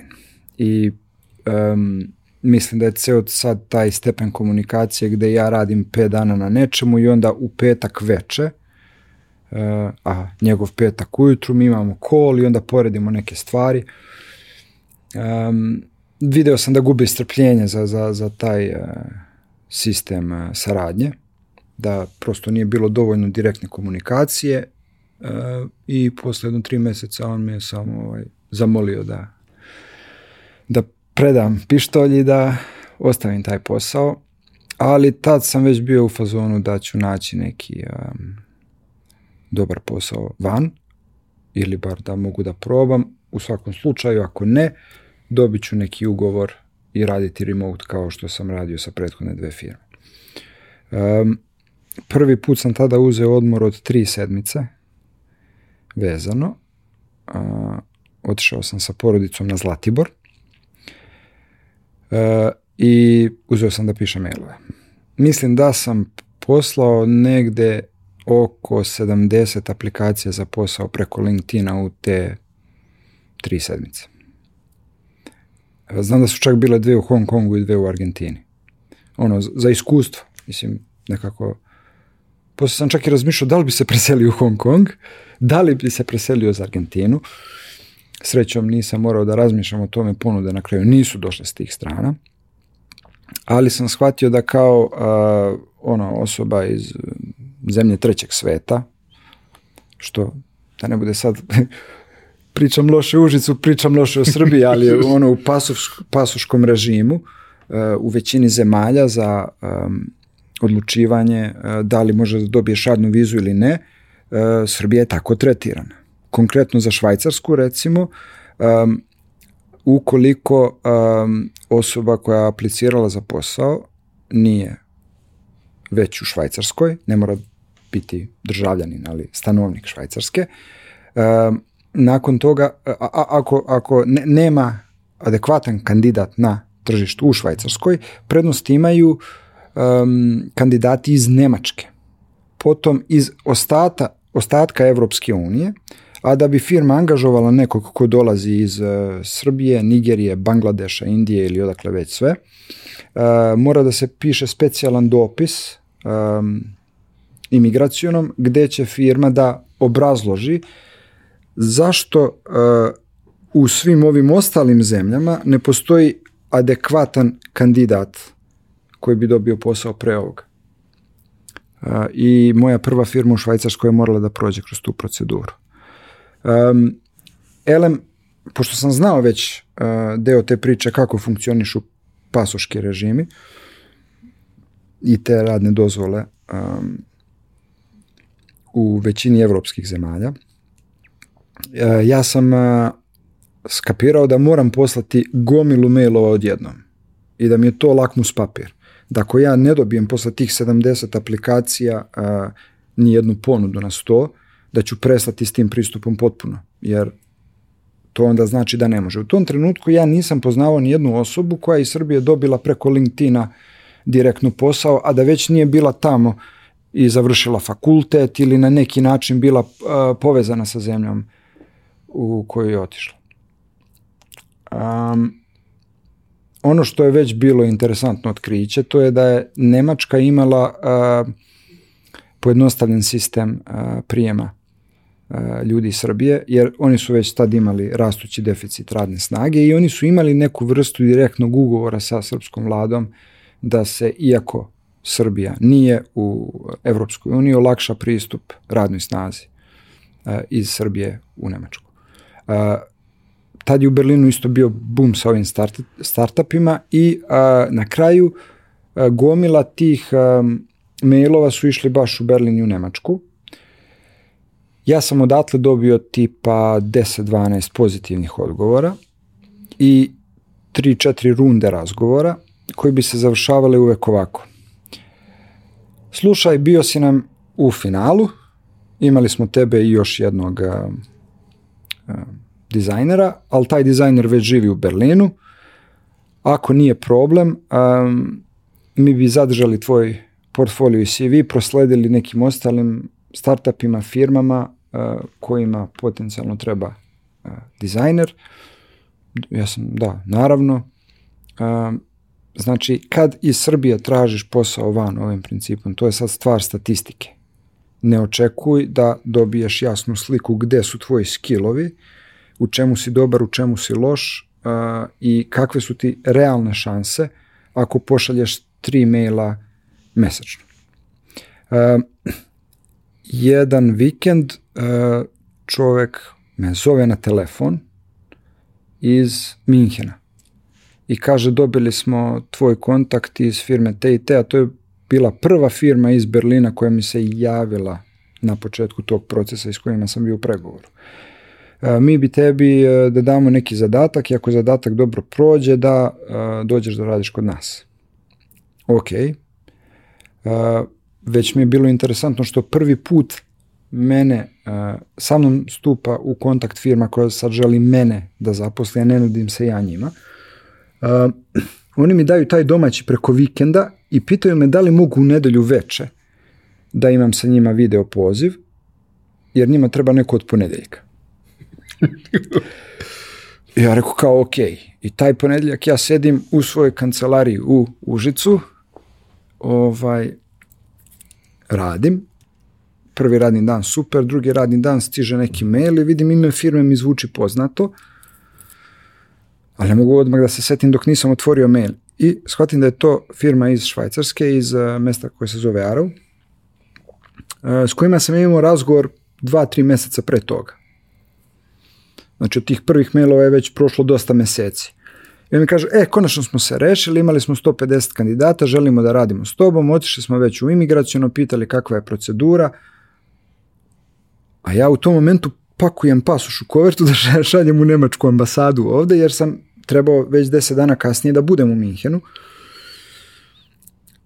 I onda smo, ne, ne znam, to je, pa uh, zovem te u Minhenu i kažem da sam ipak rešio da se ne selim, ne, neki izgovor tipa uh, žena nije spremna da napusti zemlju, oni onda kao uh, da li bi želeo da radiš remote, ovi iz Švajcarske nude da plati advokata, da, da plati neku odpremninu, ma ne znam, ono, mislim, meni sve to nepojmljivo, a sve se, pazi, to se sve dešava u nekom rasponu od 9 meseci, znači moj posao za tu firmu i Danske, pa onda za, za posao US, pa onda svi ovi mailovi slanje, to staje sve u nekih 9 meseci, možda godinu dana najviše. Ja nisam mogao da isprocesuiram sve te stvari, ali eto, par meseci kasnije uh, Ovaj, svi smo bili u Aravu. Tamo sam proveo godinu i po dana u toj, eh, toj prvoj firmi tamo. Tek tamo video koliko stvari ne znam. E, Koja pozicija je bila? Uh, lead designer. Lead UX designer. I evo, mislim, uh, zanimljivo isto za, za svako ko pokušava nešto slično da uradi. Ja sam prilično siguran da ja ne bi dobio vizu papire uh, ili dobio posao u Cirihu direktno, zato što u Švajcarskoj svaki kanton ima svoj cap za broj zaposlenih. Zašto sam ja dobio posao baš u toj firmi? Imao sam iskustvo uh, u UX-u i u marketingu. Pokrivao sam im dve pozicije.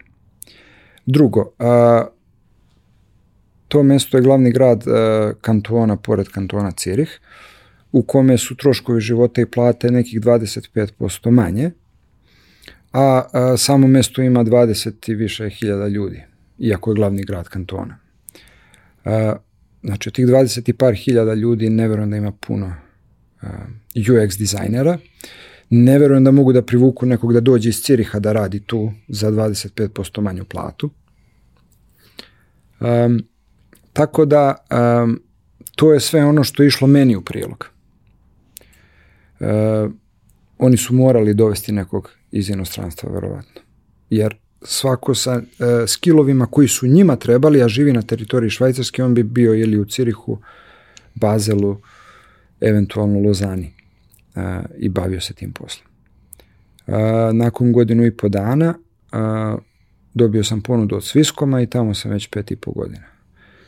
A kaži mi, taj moment gde ovaj, kažeš da si tek tad saznao koliko zapravo ne znaš, na šta misliš?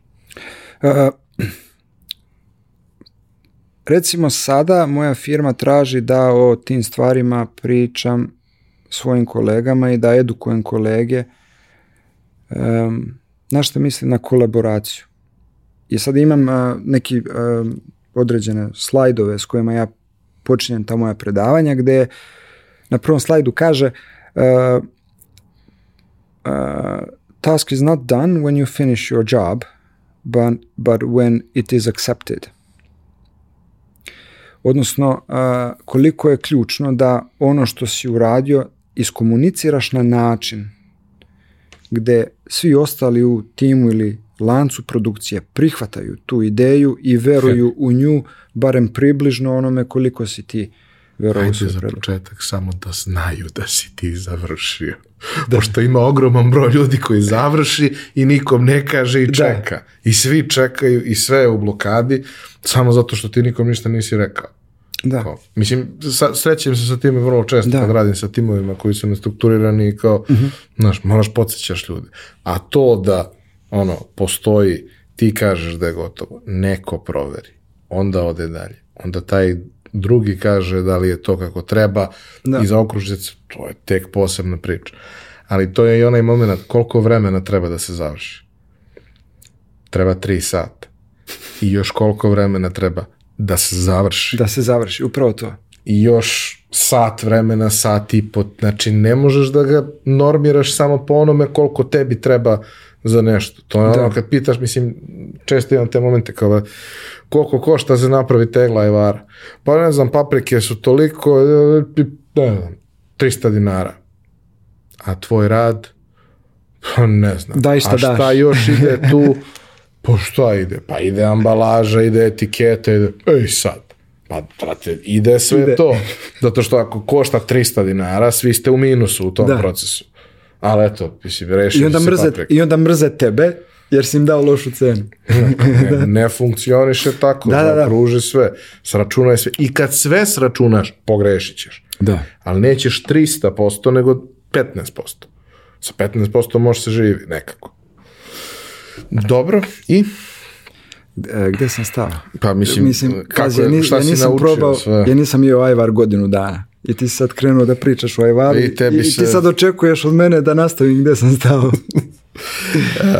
Da. pro, prosto ono, ušao si u nešto što je sistem, Da. in-house, malo duže, nije ono da se ti bude neko kratko vreme. Kako je prosto ceo taj proces izgledao i brate, kako je, kako je doći u Švicu, jer meni je puls uh, se spustio uh, za 30 ovaj, nakon drugog dana boravka u Švajcarskoj, jer zbog čega bih se ne- nervirao sve lepo. To, znači, prvi utisak je bio ono, creepy zapravo. Znači, sve je toliko mirno, sređeno i prepoznatljivo da, da ovaj... Prvi moj, znači to moram da budem glupo, da, da. ali, ali moram. Znači, uh, ja imam 16, 15 godina, 16 godina u tom trenutku i prvi put idem u Beč kod tadašnje devojke. I stojim na semaforu. I nije mi zeleno, ali auto stoji. Ja se sad nerviram što on ne krene, a ona me gleda kao, pređi ulicu, idiote. Kao, ali on tebe čeka da, ali nije meni, on tebe čeka da pređeš. Kao, I ne trubi. Ovde ljudi nikad ne trubi. Da, da. Kakvi su to ljudi? Znaš, ja shvatiš da to, to je normalno. Samo mi nismo. Mi e, nismo upravo to. to. I gde je onda bio problem adaptacije? Pa problem je bio u meni. znači, a, pogotovo što si manje od većih gradova i centara, ljudi su sve onako um, zatvoreniji, kontrover, um, ne kontroverzniji, nego koja bi bila reč, Uh, konzervativni. konzervativni. Zaplićam sa srpskim, koliko ga dobro. ne koristim.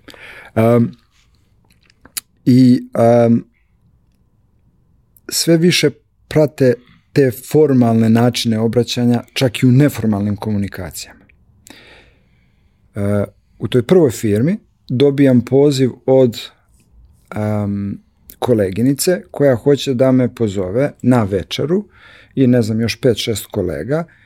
Večera će biti u nedelju u ne znam 7 sati na toj i toj adresi. Ješćemo to i to i posle toga gledamo taj taj film. I taj, taj poziv dolazi uh, dve sedmice ranije. I ovako primam taj mail. Znači, on, prolazi me blaga jeza, razumiješ? Okrećem se, razumiješ, devojka sedi ovde, znaš. Um, e sad, uh, zamisli ti njihove reakcije na mene, kojih ja tada nisam bio svestan. I ono kao, uh, dobro, koliko ti vremena treba za, za taj dizajn? Pa reko, ne znam, dan, dva do pet plafon. I oni znaš kao, dobro, dan, dva ili pet. Ili plafon. Ili plafon, da, da. I onda kao, ok, a, a, ajde evo daćemo ti pet dana, ali možemo li drugi dan da sedemo i da diskutujemo o progresu? A meni to ono, koja se mi zabao nož u oko, razumeš? Kako, pa kako da diskutujemo kad je pola gotovo? Pa možda možemo da ti damo neke smernice. Znači ono, totalno zid oko sebe ne prilazi mi. Um, ja koji kažem, pa ništa zvaću vas, onaj, čim završim ja vas zovem. Mislim, je trebalo meseci da shvatim da ljudi ne idu od kancelarije do kancelarije, koliko god bila mala firma, ta imala 18 zaposlenih, i da ono čačkaju jedni druge. Da ako me direktor zove da na nečemu radimo zajedno, on će mi reći bar jedan dan ranije. Um, I zato tamo i postoji taj mir i organizacija. Ali ako ti nisi u tom klišeu, ovaj, ti si ga ugasio. Jer oni toliki napad panike imaju u tvom prisustvu i na kraju svake godine ti dobijaš feedback od kolega od čega tebi zavisi budućnost u firmi. Nije ono dobar sam sa šefom ili nisam, nego koliko pripadaš okruženju i zato i taj prvi slajd koji sam malo prepomenuo, e, posao je gotov onog trenutka kad je tvoja ideja i rezultati tvog rada prihvaćeni, kad ostali znaju da rade sa tim, ali i žele da rade. Tek tamo shvatam šta je kolaboracija. T- Demokratija o kojoj pričaju u Švajcarskoj, ona je prisutna na svakom stepenu društva i hijerarhije. Znači ne postoji ono, naravno postoji tamo mikromanagement, ali mnogo manje. Uvek se sluša um, um, mišljenje zaposlenog i ti, uh, ti, ti moraš biti ekspert u svom poslu. Makar da si kafe kuvarica tvoja kafa mora biti bolja nego što će ostali napraviti. Ali i ti imaš, uh, tvoja reč ima težinu kad se kupuje kafa, kad se bira mleko ili šećer, šta već. Znači svako ono preuzima jasan stepen odgovornosti i zato sve to tako tamo i funkcioniše. Tako da ideja da moram da najavim kad ću da završim nešto što nisam ni počeo da radim i da tako obavestim ostale, jer oni će svoje kalendare da prilagode mom progresu. Za mene je bila toliko neprihvatljiva i, i strašna, jer sam ja očekivao da ću jednako kao u Srbiji dobiti opaku grdnju i pretnje ako probijem svoj deadline. Razumeš? Međutim, ono što ja tada nisam znao, da je tamo u njihovoj kulturi krajnje prihvatljivo da ako ti vidiš negde na pola svog procesa i kažeš, hm, mislio sam da mi treba 5 dana, ali ovo više liči na 7 ili 8, ok, potpuno da kažeš, dajte mi još 5, ali ako ih obavestiš dva dana ranije, da oni mogu da iskoriste to vreme, da urade reschedule, da, da, da urade nešto drugo, odnosno koliko je ta konstantna komunikacija o procesu važnija nego sam rezultat na kraju. Um, je, to je bila velika škola. Da shvatim kako taj mentalitet uh, funkcioniše, a pritom prvi put da radim in-house u firmi koja ima 20 ljudi i da ono nisam sam ono zadužen za, za, za svoj deo posla, već da moram da uh, prihvatam i odgovaram na neki feedback. Mislim da je mnogo važno i da je mnogo dobro za tebe da. u tom celom procesu bilo to što si došao u firmu od 20 ljudi. Što da. nisi da. odmah došao u firmu od 500, jer je sve neuporedivo složenije, a to su opet e, ljudi sa kojima si u komunikaciji, da. nisu ljudi kojima možeš da dođeš, prineseš kafu i kažeš izvini za ono malo pre ili ajde da, da ono sednemo, popijemo kafu i pretresemo ovo, da. jer kad ih je 500 ti ne znaš ni imena najčešće ljudi sa kojima radiš. Znaš svoj tim, ok, i, i prvi tim Upravo. sa kojim radiš, ali gomila ljudi u firmi su ti nepoznati, a ovde, što kaže, svi možete u malo veće dvorište da stanete na rošti. Da. Ovaj, a, kako je došlo do toga da nakon godinu i po dana pređeš u veliki sistem? Um, nije mi se na kraju svidela atmosfera u toj firmi. Znači da, mnogo stvari koje sam trebao ja da promenim i da naučim, ali sam shvatio da ima još puno onih koje bi oni mogli da ustanove kao neka pravila ophođenja ili tretiranja projekta. Tu se uh, pojavila jedna, da kažem, crta koja je isto karakteristična za to podneblje, da u slučaju nekog izrazitog sukoba ne dođe do rešavanja sukoba uh, u potpunosti, nego smirivanja situacije taj pacifizam koji oni imaju istorijski se stvarno odrazio i na mentalitet i na radnom mjestu i u drugim aspektima da, života. Jest, samo u toj situaciji ostane dosta pasivne agresije. Upravo. Uh, prvi put da sam ja ono, imao fizičke reakcije odlaska na posao. Znači, bukvalno su se stvorili ovaj, e, da kažem, klanovi na poslu, gde e, CEO i ja smo imali jedan pristup projektima, organizaciji, strukturi. Uh, dok uh, je drugi deo firme imao neke drugačije ideje. A meni je falilo na kraju dana u tome iskrenosti, a jedini, uh, jedino merilo bi tu bilo u stvari rezultat samog proizvoda. Jer koliko god mi sedeli, diskutovali, probali različite pristupe, u jednom trenutku proizvod je bio, je kasnio pet godina. I dalje uh, je firma živela na osnovu stare verzije softvera, a klijentima se već par godina obećavalo da će izaći novi. Um, I u jednom momentu sam prvo poželeo da tražim drugi posao, a onda se ne desilo da um, ta, tad sam baš bio onako uh, umoran od cele te epopeje do te tačke, menjanja tih poslova po Srbiji uh, i od onog početnog ushićenja sa Švajcarskom bilo je, a čekaj, ako je ovo uh, radna ovaj, kultura, ja ovo ne mogu jer nekako više volim i kad postoji urlanje u kancelariji i, Dobro, i, i oca i majku jeste i sve redno, nego sad ta pasivna agresija s kojom nisam znao kako se nosim. Um, ja sam na sebi rekao, ok, ovaj, ja ovde ne mogu da radim, ali ajde da probamo nešto drugačije, nešto što pre ne bih probao, ja apliciram za Google. I um, dođem tu do onog zadnjeg četvrtog kruga i tu mi ponude da idem u Minhen. Da su među vremenu zaposlili nekog uh, u Cirihu i ja rekao pre godinu i po dana sam se sa porodicom selio ovde, sad tete već krenulo u vrtić školu. Rekao, Minhen mi baš i nije opcija. I taj isti dan kad ja to saopštavam uh, na tu ponudu, uh, mene zove agent i priča mi o Sviskomu, znaš što će biti švajcarski Google, la la la. Inače, uh, Sviskom je u principu uh, ekvivalent Telekomu ovde. I oni su brand tamo i monopolista nekih već 20-25 godina. Inače, pre par godina su, pre par dana su proglašeni za najveći brend u Evropi u nekom istraživanju. Um, ali nekako kad ti ne postigneš dogovor sa Googlom taj isti dan i kad ti neko priča dođi ovde da radiš, bit će super. Ja sam rekao da, da, da, naravno, jer i dalje želim da napustim ovaj prvi posao. On rekao da, da, da, naravno, vidjet ćemo. Što da ne, evo poslaću mi tvoj portfolio. Isto veče, moj uh, budući šef me zove na Skype i kao, e, da li možeš da dođeš sledeći utorak da popričamo?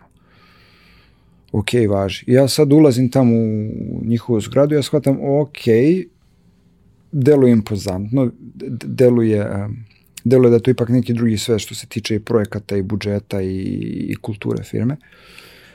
Ulazim u kafeteriju, ovaj, ajde nam malo ispričaj o sebi, ja sad krenem, otvorim kompjuter, pričam gde sam bio, šta sam radio, nekih deset pri, minuta tako pričam i, i tip Mark, sada drugar, tada šef, kaže meni, a, čekaj, čekaj, stani.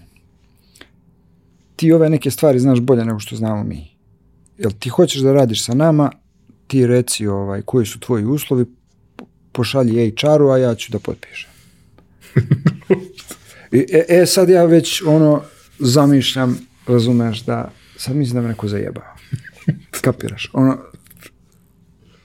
naša, da je domaći, mislim, prvi put da, da neko samo na osnovu onoga što je video do tada o meni da da želi odmah nakon 10 minuta razgovora i bez nekog te zadatka da, da sa mnom radi, ali stvarno je tako je bilo. Agent je pregovarao i o visini plate i ostalo i prilično sam dobio sve ono što sam tražio. Naravno, postoje tamo neke cenovne kategorije u kojima ti moraš da se krećeš. Um, I tamo sam dobio mesto senior dizajnera, umeđu vremenu sam lead product designer za, za tu uh, manju grupaciju. I od tog trenutka uh, i ponude za posao koje sam dobijao i tretman na u, u Sviskomu, to je, to je potpuno drugačije iskustvo svih tih mojih uh, pokušaja i, i traženja i tumaranja prethodno. Mm, mislim da sam umeđu vremenu savladao način kako da komuniciram svoje ideje na artikulisan način.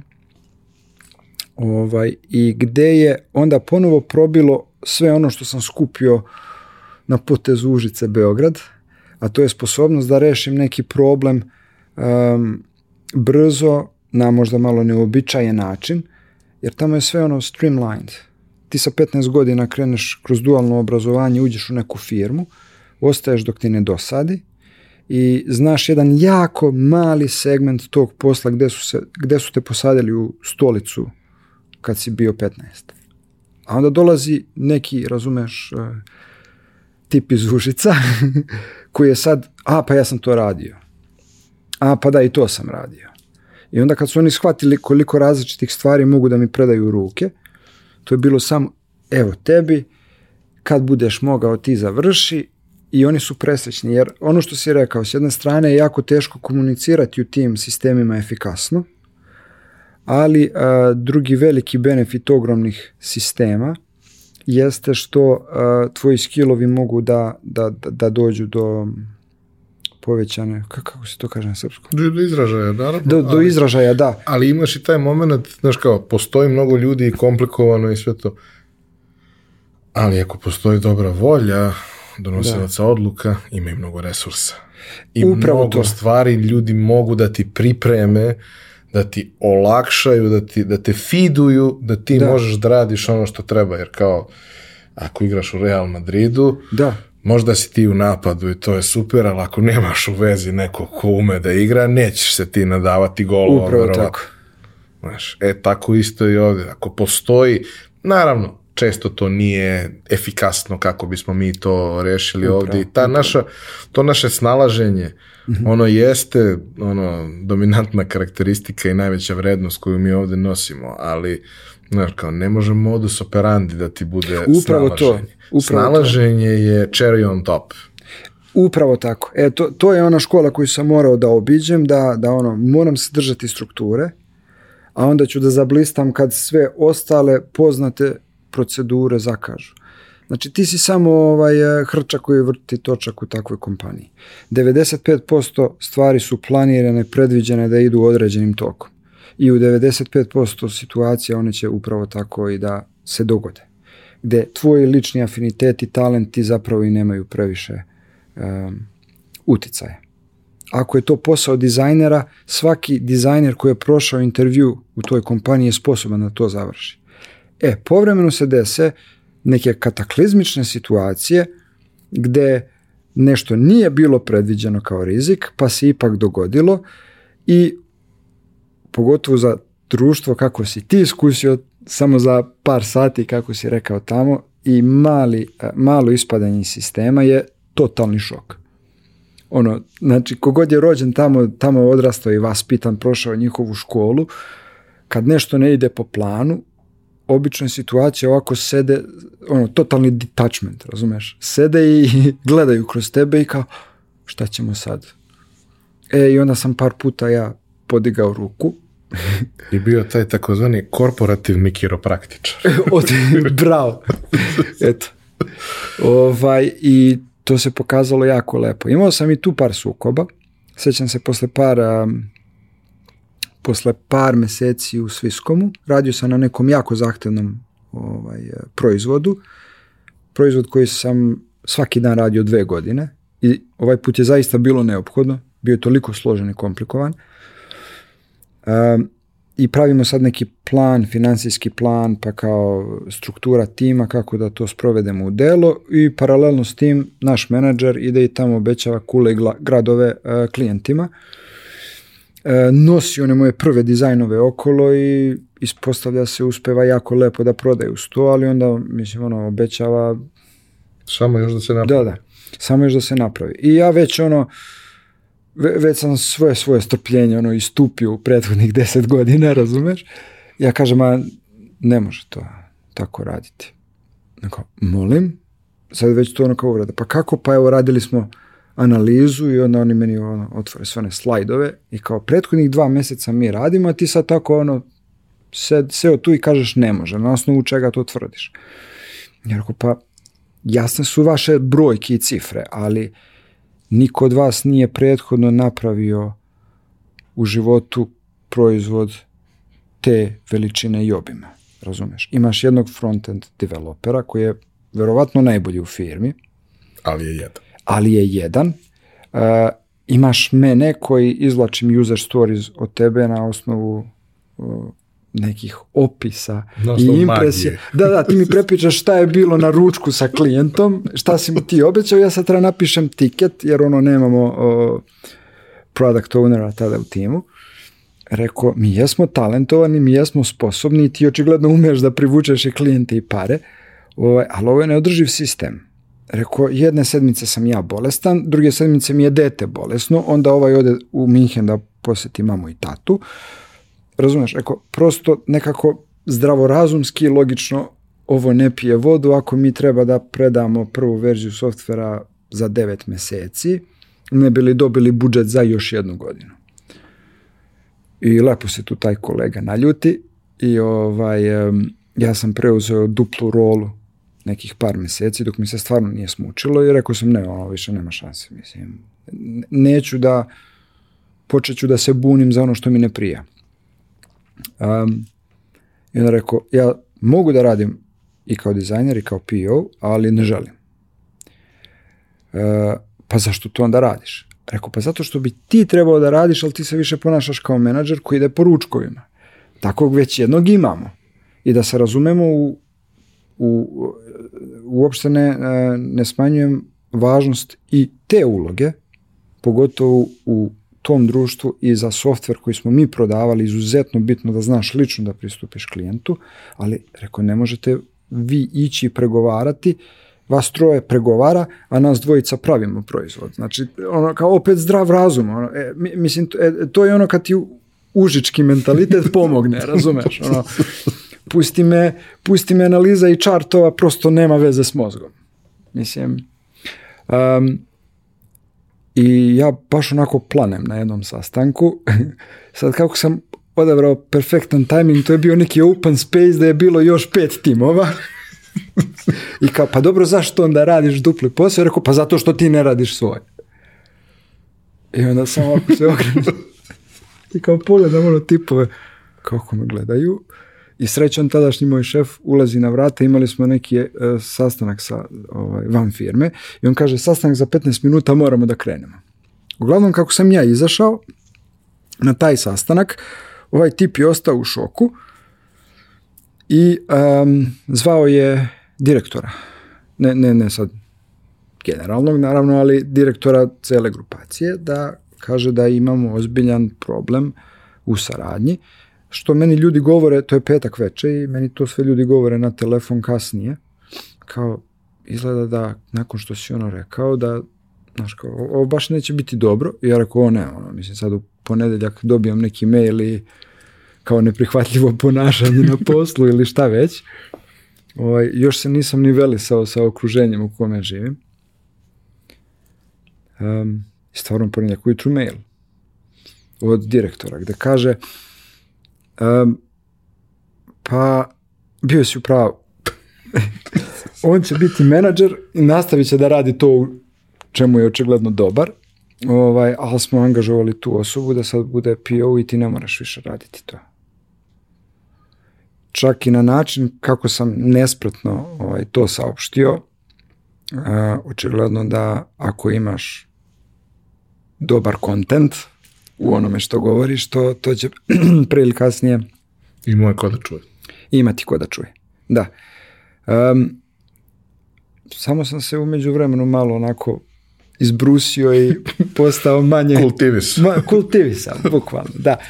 Ovaj, a, interesantno je da kad smo imali na kraju review, dolazi a, vlasnik projekta i kaže meni, a, i kaže pred, pre, pred celim ovaj, pre, pred celom grupacijom nas 40 i koliko je bilo tu, ceo tim, a, a, da sam imao Uroša u timu pre dve godine, ja bi uštedeo 2 miliona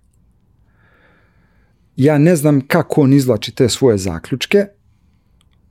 Ovaj, par puta smo, smo se lepo posvađali, ali sam naučio da verujem tome što mi on priča. A ja znam, mislim, to, mi se nikad nismo služili tim sredstvima, planiranjem, čartovima i ostalo. Ovde sve je ono... Život. Život. I oni previde takve stvari.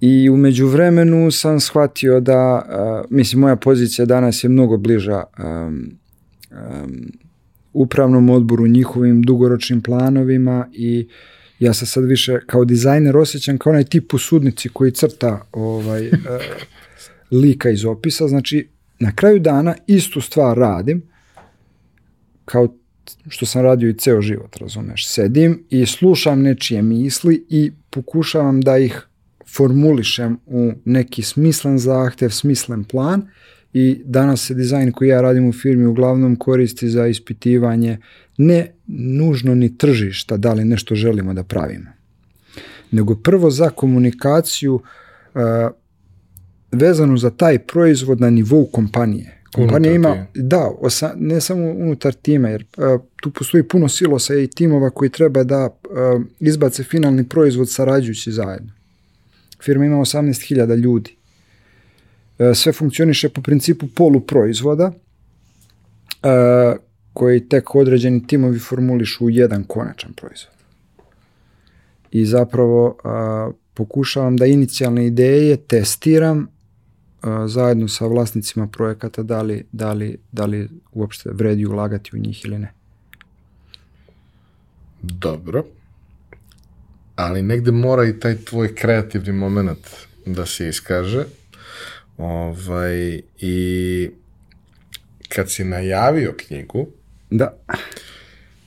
tematika i način na koji je to bilo spakovano, da kažem, okay. ta prezentacija na, na Kickstarteru je dosta bitna.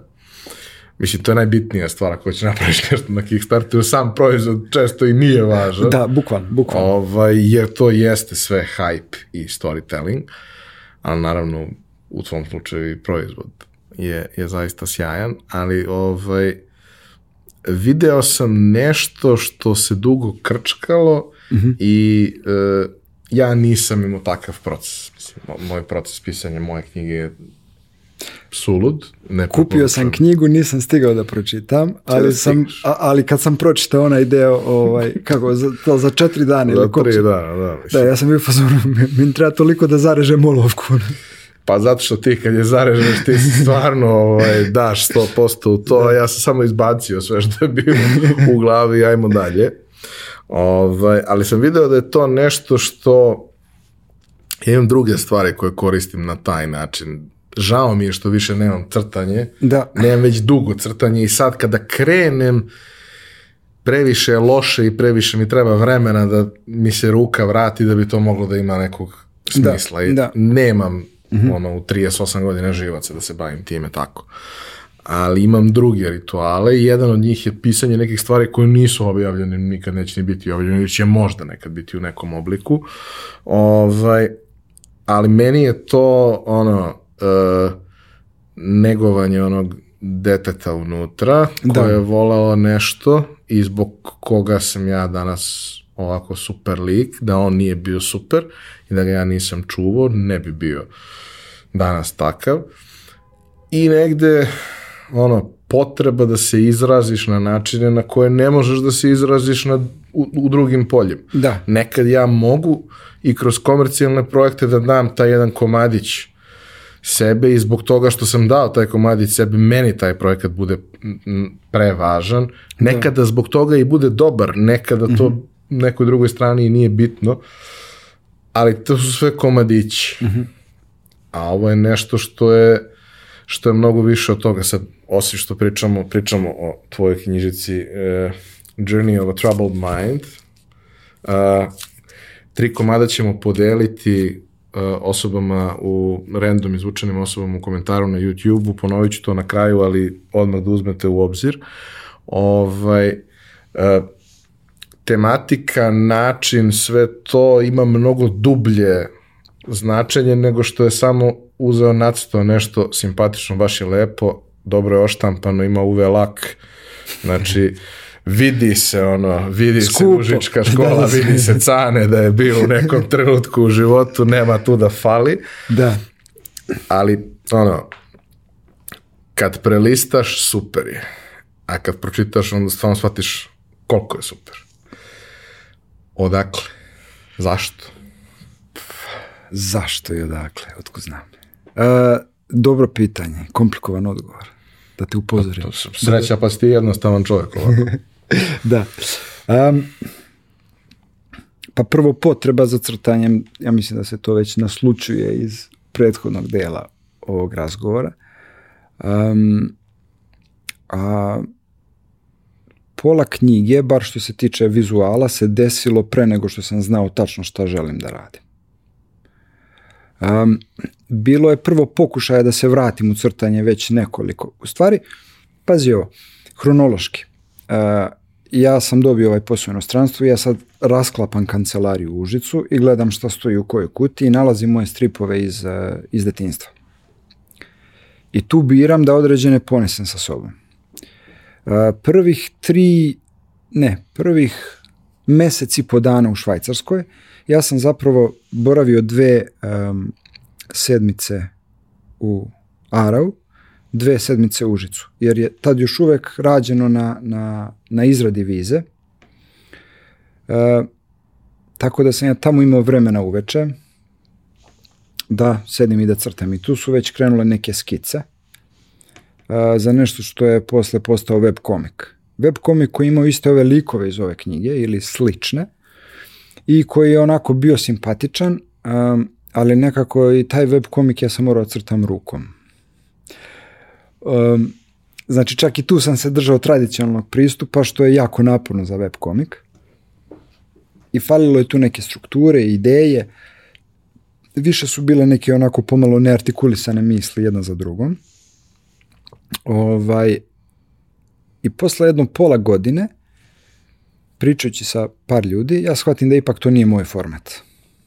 To je, to je isto ono bio pokušaj da, da dobijem neku pažnju, ali e, za mene recimo webkomik je nešto što je zabavno, simpatično, ali nije, ne može da postigne određenu dubinu ili temeljnost u izradi crteža, razumeš? Uvijek sam se fascinirao, ne znam, Asterixom i, i tim nekim, e, ne znam, Blueberryjem, koji god daje stil, ta dubina detalja i scena je ono što mi je bilo fascinantno i onda sam shvatio da ipak webkomik nije za mene. I onda sam krenuo da prosto, um, krenuo sam sa par strana gde sam htio da predstavim svoje likove kao na uvod u knjigu i kao, e, poslije ću da vidim šta će biti sam strip.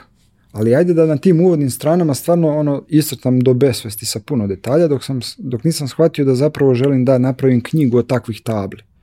Grafičku novelu koja je možda više ilustrovana knjiga. Ovaj, um, I uh, krenuo sam da crtam iz sredine.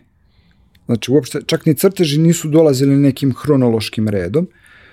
Ovaj, uh, a podudarilo se sa nekom mojom privatnom krizom. U tom trenutku sam prolazio kroz razvod i a, shvatio u jednom trenutku da ne želim to da, da, da mozgam sam, nego krenuo na psihoanalizu.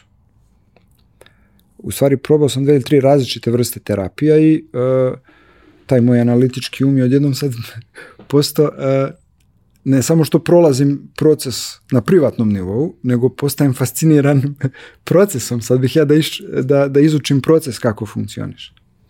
I uh, dok sam crtao knjigu, moja svest o tome na čemu radim je polako rasla. Uh, jer um, u trenutku kada pristupam, možda, možda je bilo, ne ovako, treći, četvrti mesec rada sa psihoanalitičarem, ja pokazujem crteže, uh, I čovjek bi u fazonu, pa šta se mi ovde mučimo, što mi nisi ovo odmah pokazao. I uh, otprilike mi je dao tada ovaj, um, jasnu, jasnu ideju koliko uh, sve to što radimo i što formulišemo u neku vrstu simbola, što, a što je naj, najlakše postići kroz crtež, uh, zapravo um, prikazuje neka naša skrivena ili nesvesne, neke skrivene ili nesvesne stavove na određene teme.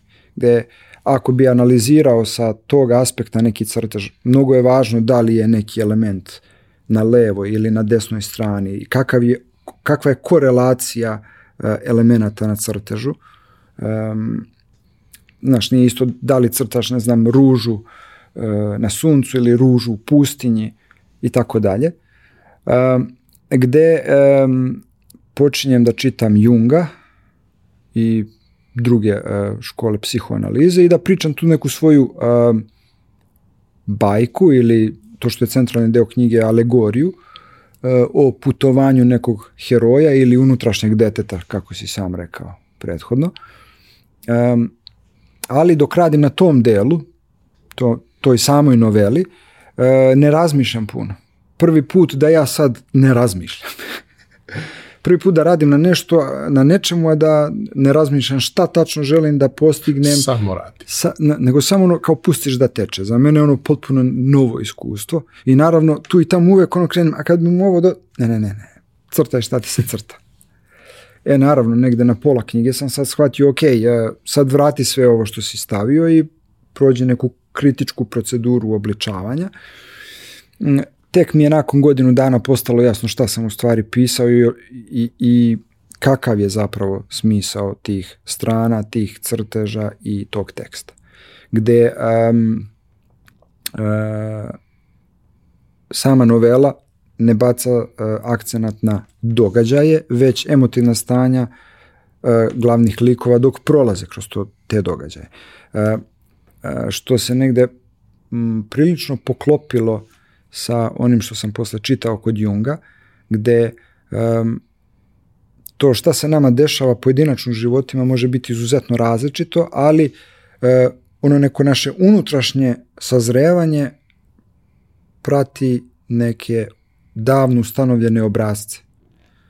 Um, I ceo taj svet mi je bio jako zanimljiv i posle sam bio začuđen da um, koliko uh, se o tim stvarima i dan danas ne priča, koliko se ne koriste i koliko se ne uvode mnogo ranije uh, u živote pojedinaca. Pristup uh, psihologije danas je prilično drugačiji, jer ja kad čitam, ne znam, Junga, Freuda, imam utisak da oni govore o psihologiji kao prevenciji. Mi kad pričamo o, ne znam, psihičkom zdravlju, uh, posjeti psihologu, psihoterapeutu, to je uvek u fazonu Kao kad ideš kod libara. Jeste, razumeš. Kao da ono, da zamene neki pokvareni deo, ali pošto je glava, to ide malo teže. Međutim, psihičko zdravlje je fluidna kategorija.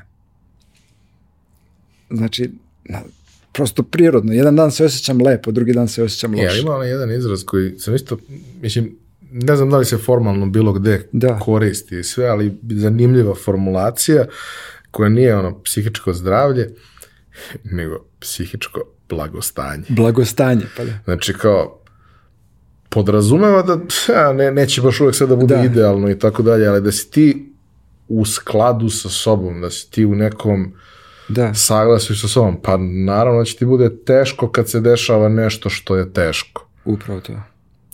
Ali da razumeš zašto ti je teško i da razumeš zašto ti je teško kad se možda ne dešava nešto. Mislim, taj proces, ono, upoznavanja sebe, razumevanja sebe, razumevanja zašto reaguješ na neki način, na neke stvari, zašto u scenariju u kome u principu nije baš jasno koji od tri puta treba da uzmeš isto Da. ti. Zašto baš izabereš jedan od njih, a ne neki drugi?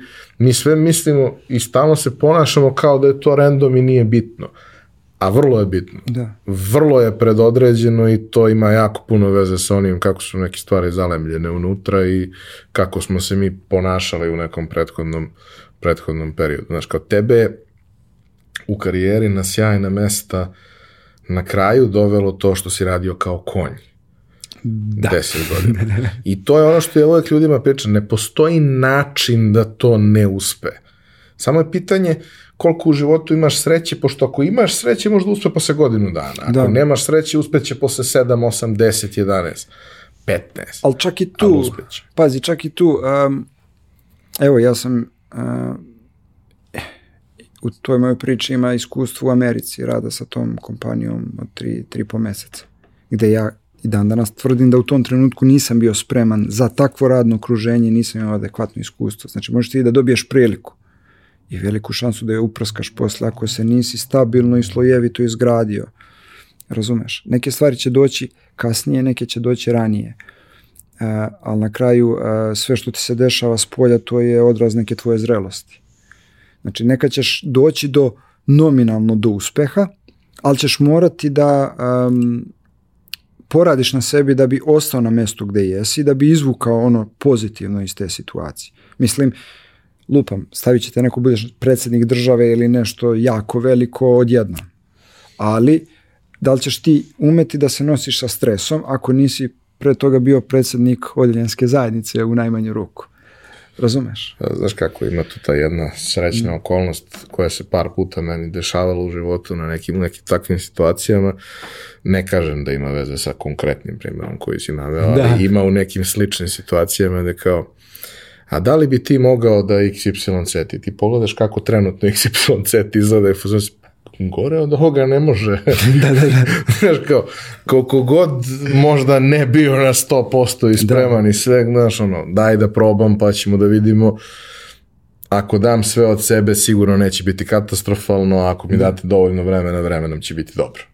I kao, to je ono, mantra.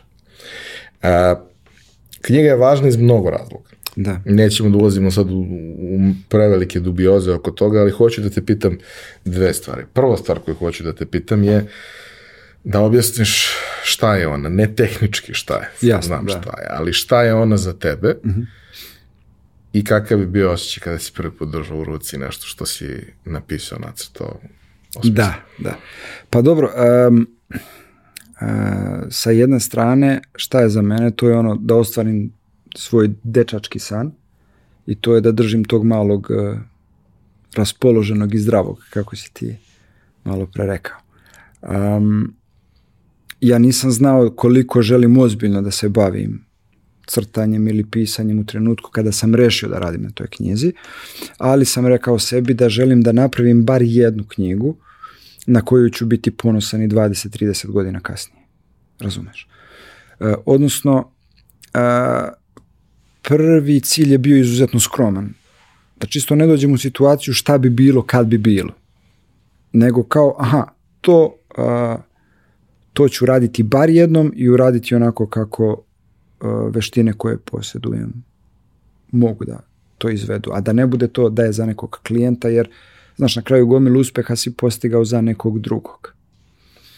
Um, I da, s, druge strane, mnogo mi je pomoglo da razumem sebe, da isprocesuiram taj prilično težak i anksio, anksiozan uh, period kroz koji sam prošao, ali da onako premotam svoj uh, uh, mozak malo unazad, od kad znam za sebe i ne znam za sebe, jer kad radiš tu analizu možeš da dođeš i u sećanje presećanja. Ovaj, um, I pomogla mi je da se izgradim danas. Ono, kako se danas osjećam, ophodim i, i onako, je, lično jedno veliko preispitivanje, to je onaj intimni doživljaj knjige. Eksterni bi bio ono, aha, evo ljudi, napravio sam ono što ste očekivali od mene od kad sam imao sedam godina. Um, light motiv dole knjige su u stvari predrasude koje nosimo svi u sebi. Um, evo, na primjer, pitanje, jesi li religiozan? Ok, e sad pazi, ja tvrdim da jesi. Ali samo na jedan drugi način. Ajde da vidimo prvo Tako možemo da kažemo, Da, da, u, a- ali u konvencionalnom a- ali- smislu ne. Sa, pazi sad ovo. Um, um, ajde prvo da vidimo kategorije religioznih ljudi u konvencionalnom smislu. Ja bih rekao da imaju oni što su um, uh, ono casual, odu kad je, znaš, uh, Božić, uh, Uskrs ili šta već, uh, zapali se badnjak, se kaže ispoštuj. ispoštuju, da. To je jedna kategorija, razumeš. Imaju oportunisti. Oni ne idu čak ni za te glavne praznike, ali ako u životu krene nešto, ne daj Bože, neka tragedija, ajde kud sve, ajde i u crku. Razumeš. Imaš i one, da kažem, predane um, um, religiozne ljude koji idu u crkvu, ne znam, čitaju Bibliju, možda pričaju o tome, bave se svim tim ritualima temeljno i posvećeno. Imaš one verske fanatike u svakoj religiji, jedni oštre čakije, drugi se ono pašu dinamitom. Znači, to su različite kategorije religioznosti. Jel tako? I ti sad, uh, ako ne postaviš to pitanje, da li sam religiozan ili nisam, ti pretpostavljaš da druga strana ima neku sličnu uh, viziju religije kao ti. A sad smo videli gde na tom spektrumu sve to može da bude. Uh, e sad, religija nije toliko dominantna u našim životinjama, uh, životinjama, bože, Životima. životima, ovaj, um, danas, ali mi verujemo neke druge stvari. Razumeš? I šta je po meni religija? Sve ono bez čega ti ne možeš da živiš. Ono što je tvoj sistem uverenja. Za mene je to umetnost. Za tebe su to tvoje firme i projekti. Za nekog je zdrava ishrana. Razumeš? E, sve su to neke predrasude koje nas štite od onog e, banalnog postojanja gde u principu treba se rodiš, završiš neku školu, ako može oženiš, udaš, izrodiš decu, dobiješ unuke i umreš. Znači, sve ostalo je naša mašta. Razumeš? Ali naša mašta nas i vodi ka određenim um, ciljevima, baš zato što verujemo da ako ostvarimo te ciljeve, mi ćemo biti ispunjeni, zadovoljni, biti to zadovoljno malo dete. Za mene je to bila knjiga. Razumeš? Znači, to je za mene neka vrsta religije.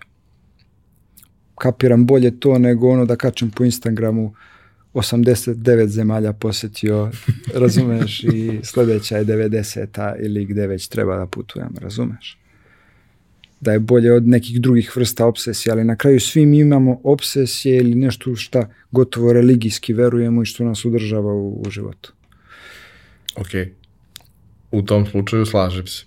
Um, ovaj proces koji si prošao sa Da. knjigom i lično i u da kažemo samom kreiranju Da, da. i dalje izdavanju i sve ostalo je ono interesantan naročito kada ga prvi put prolaziš za sebe Da, da. kad ga radiš za druge ti pošalješ file i to je u principu Uh. to ali ovaj, u principu kada radiš za sebe onda ti je zaista sve to jako važno ja mogu da ti kažem da si radio sjajnu stvar Hvala.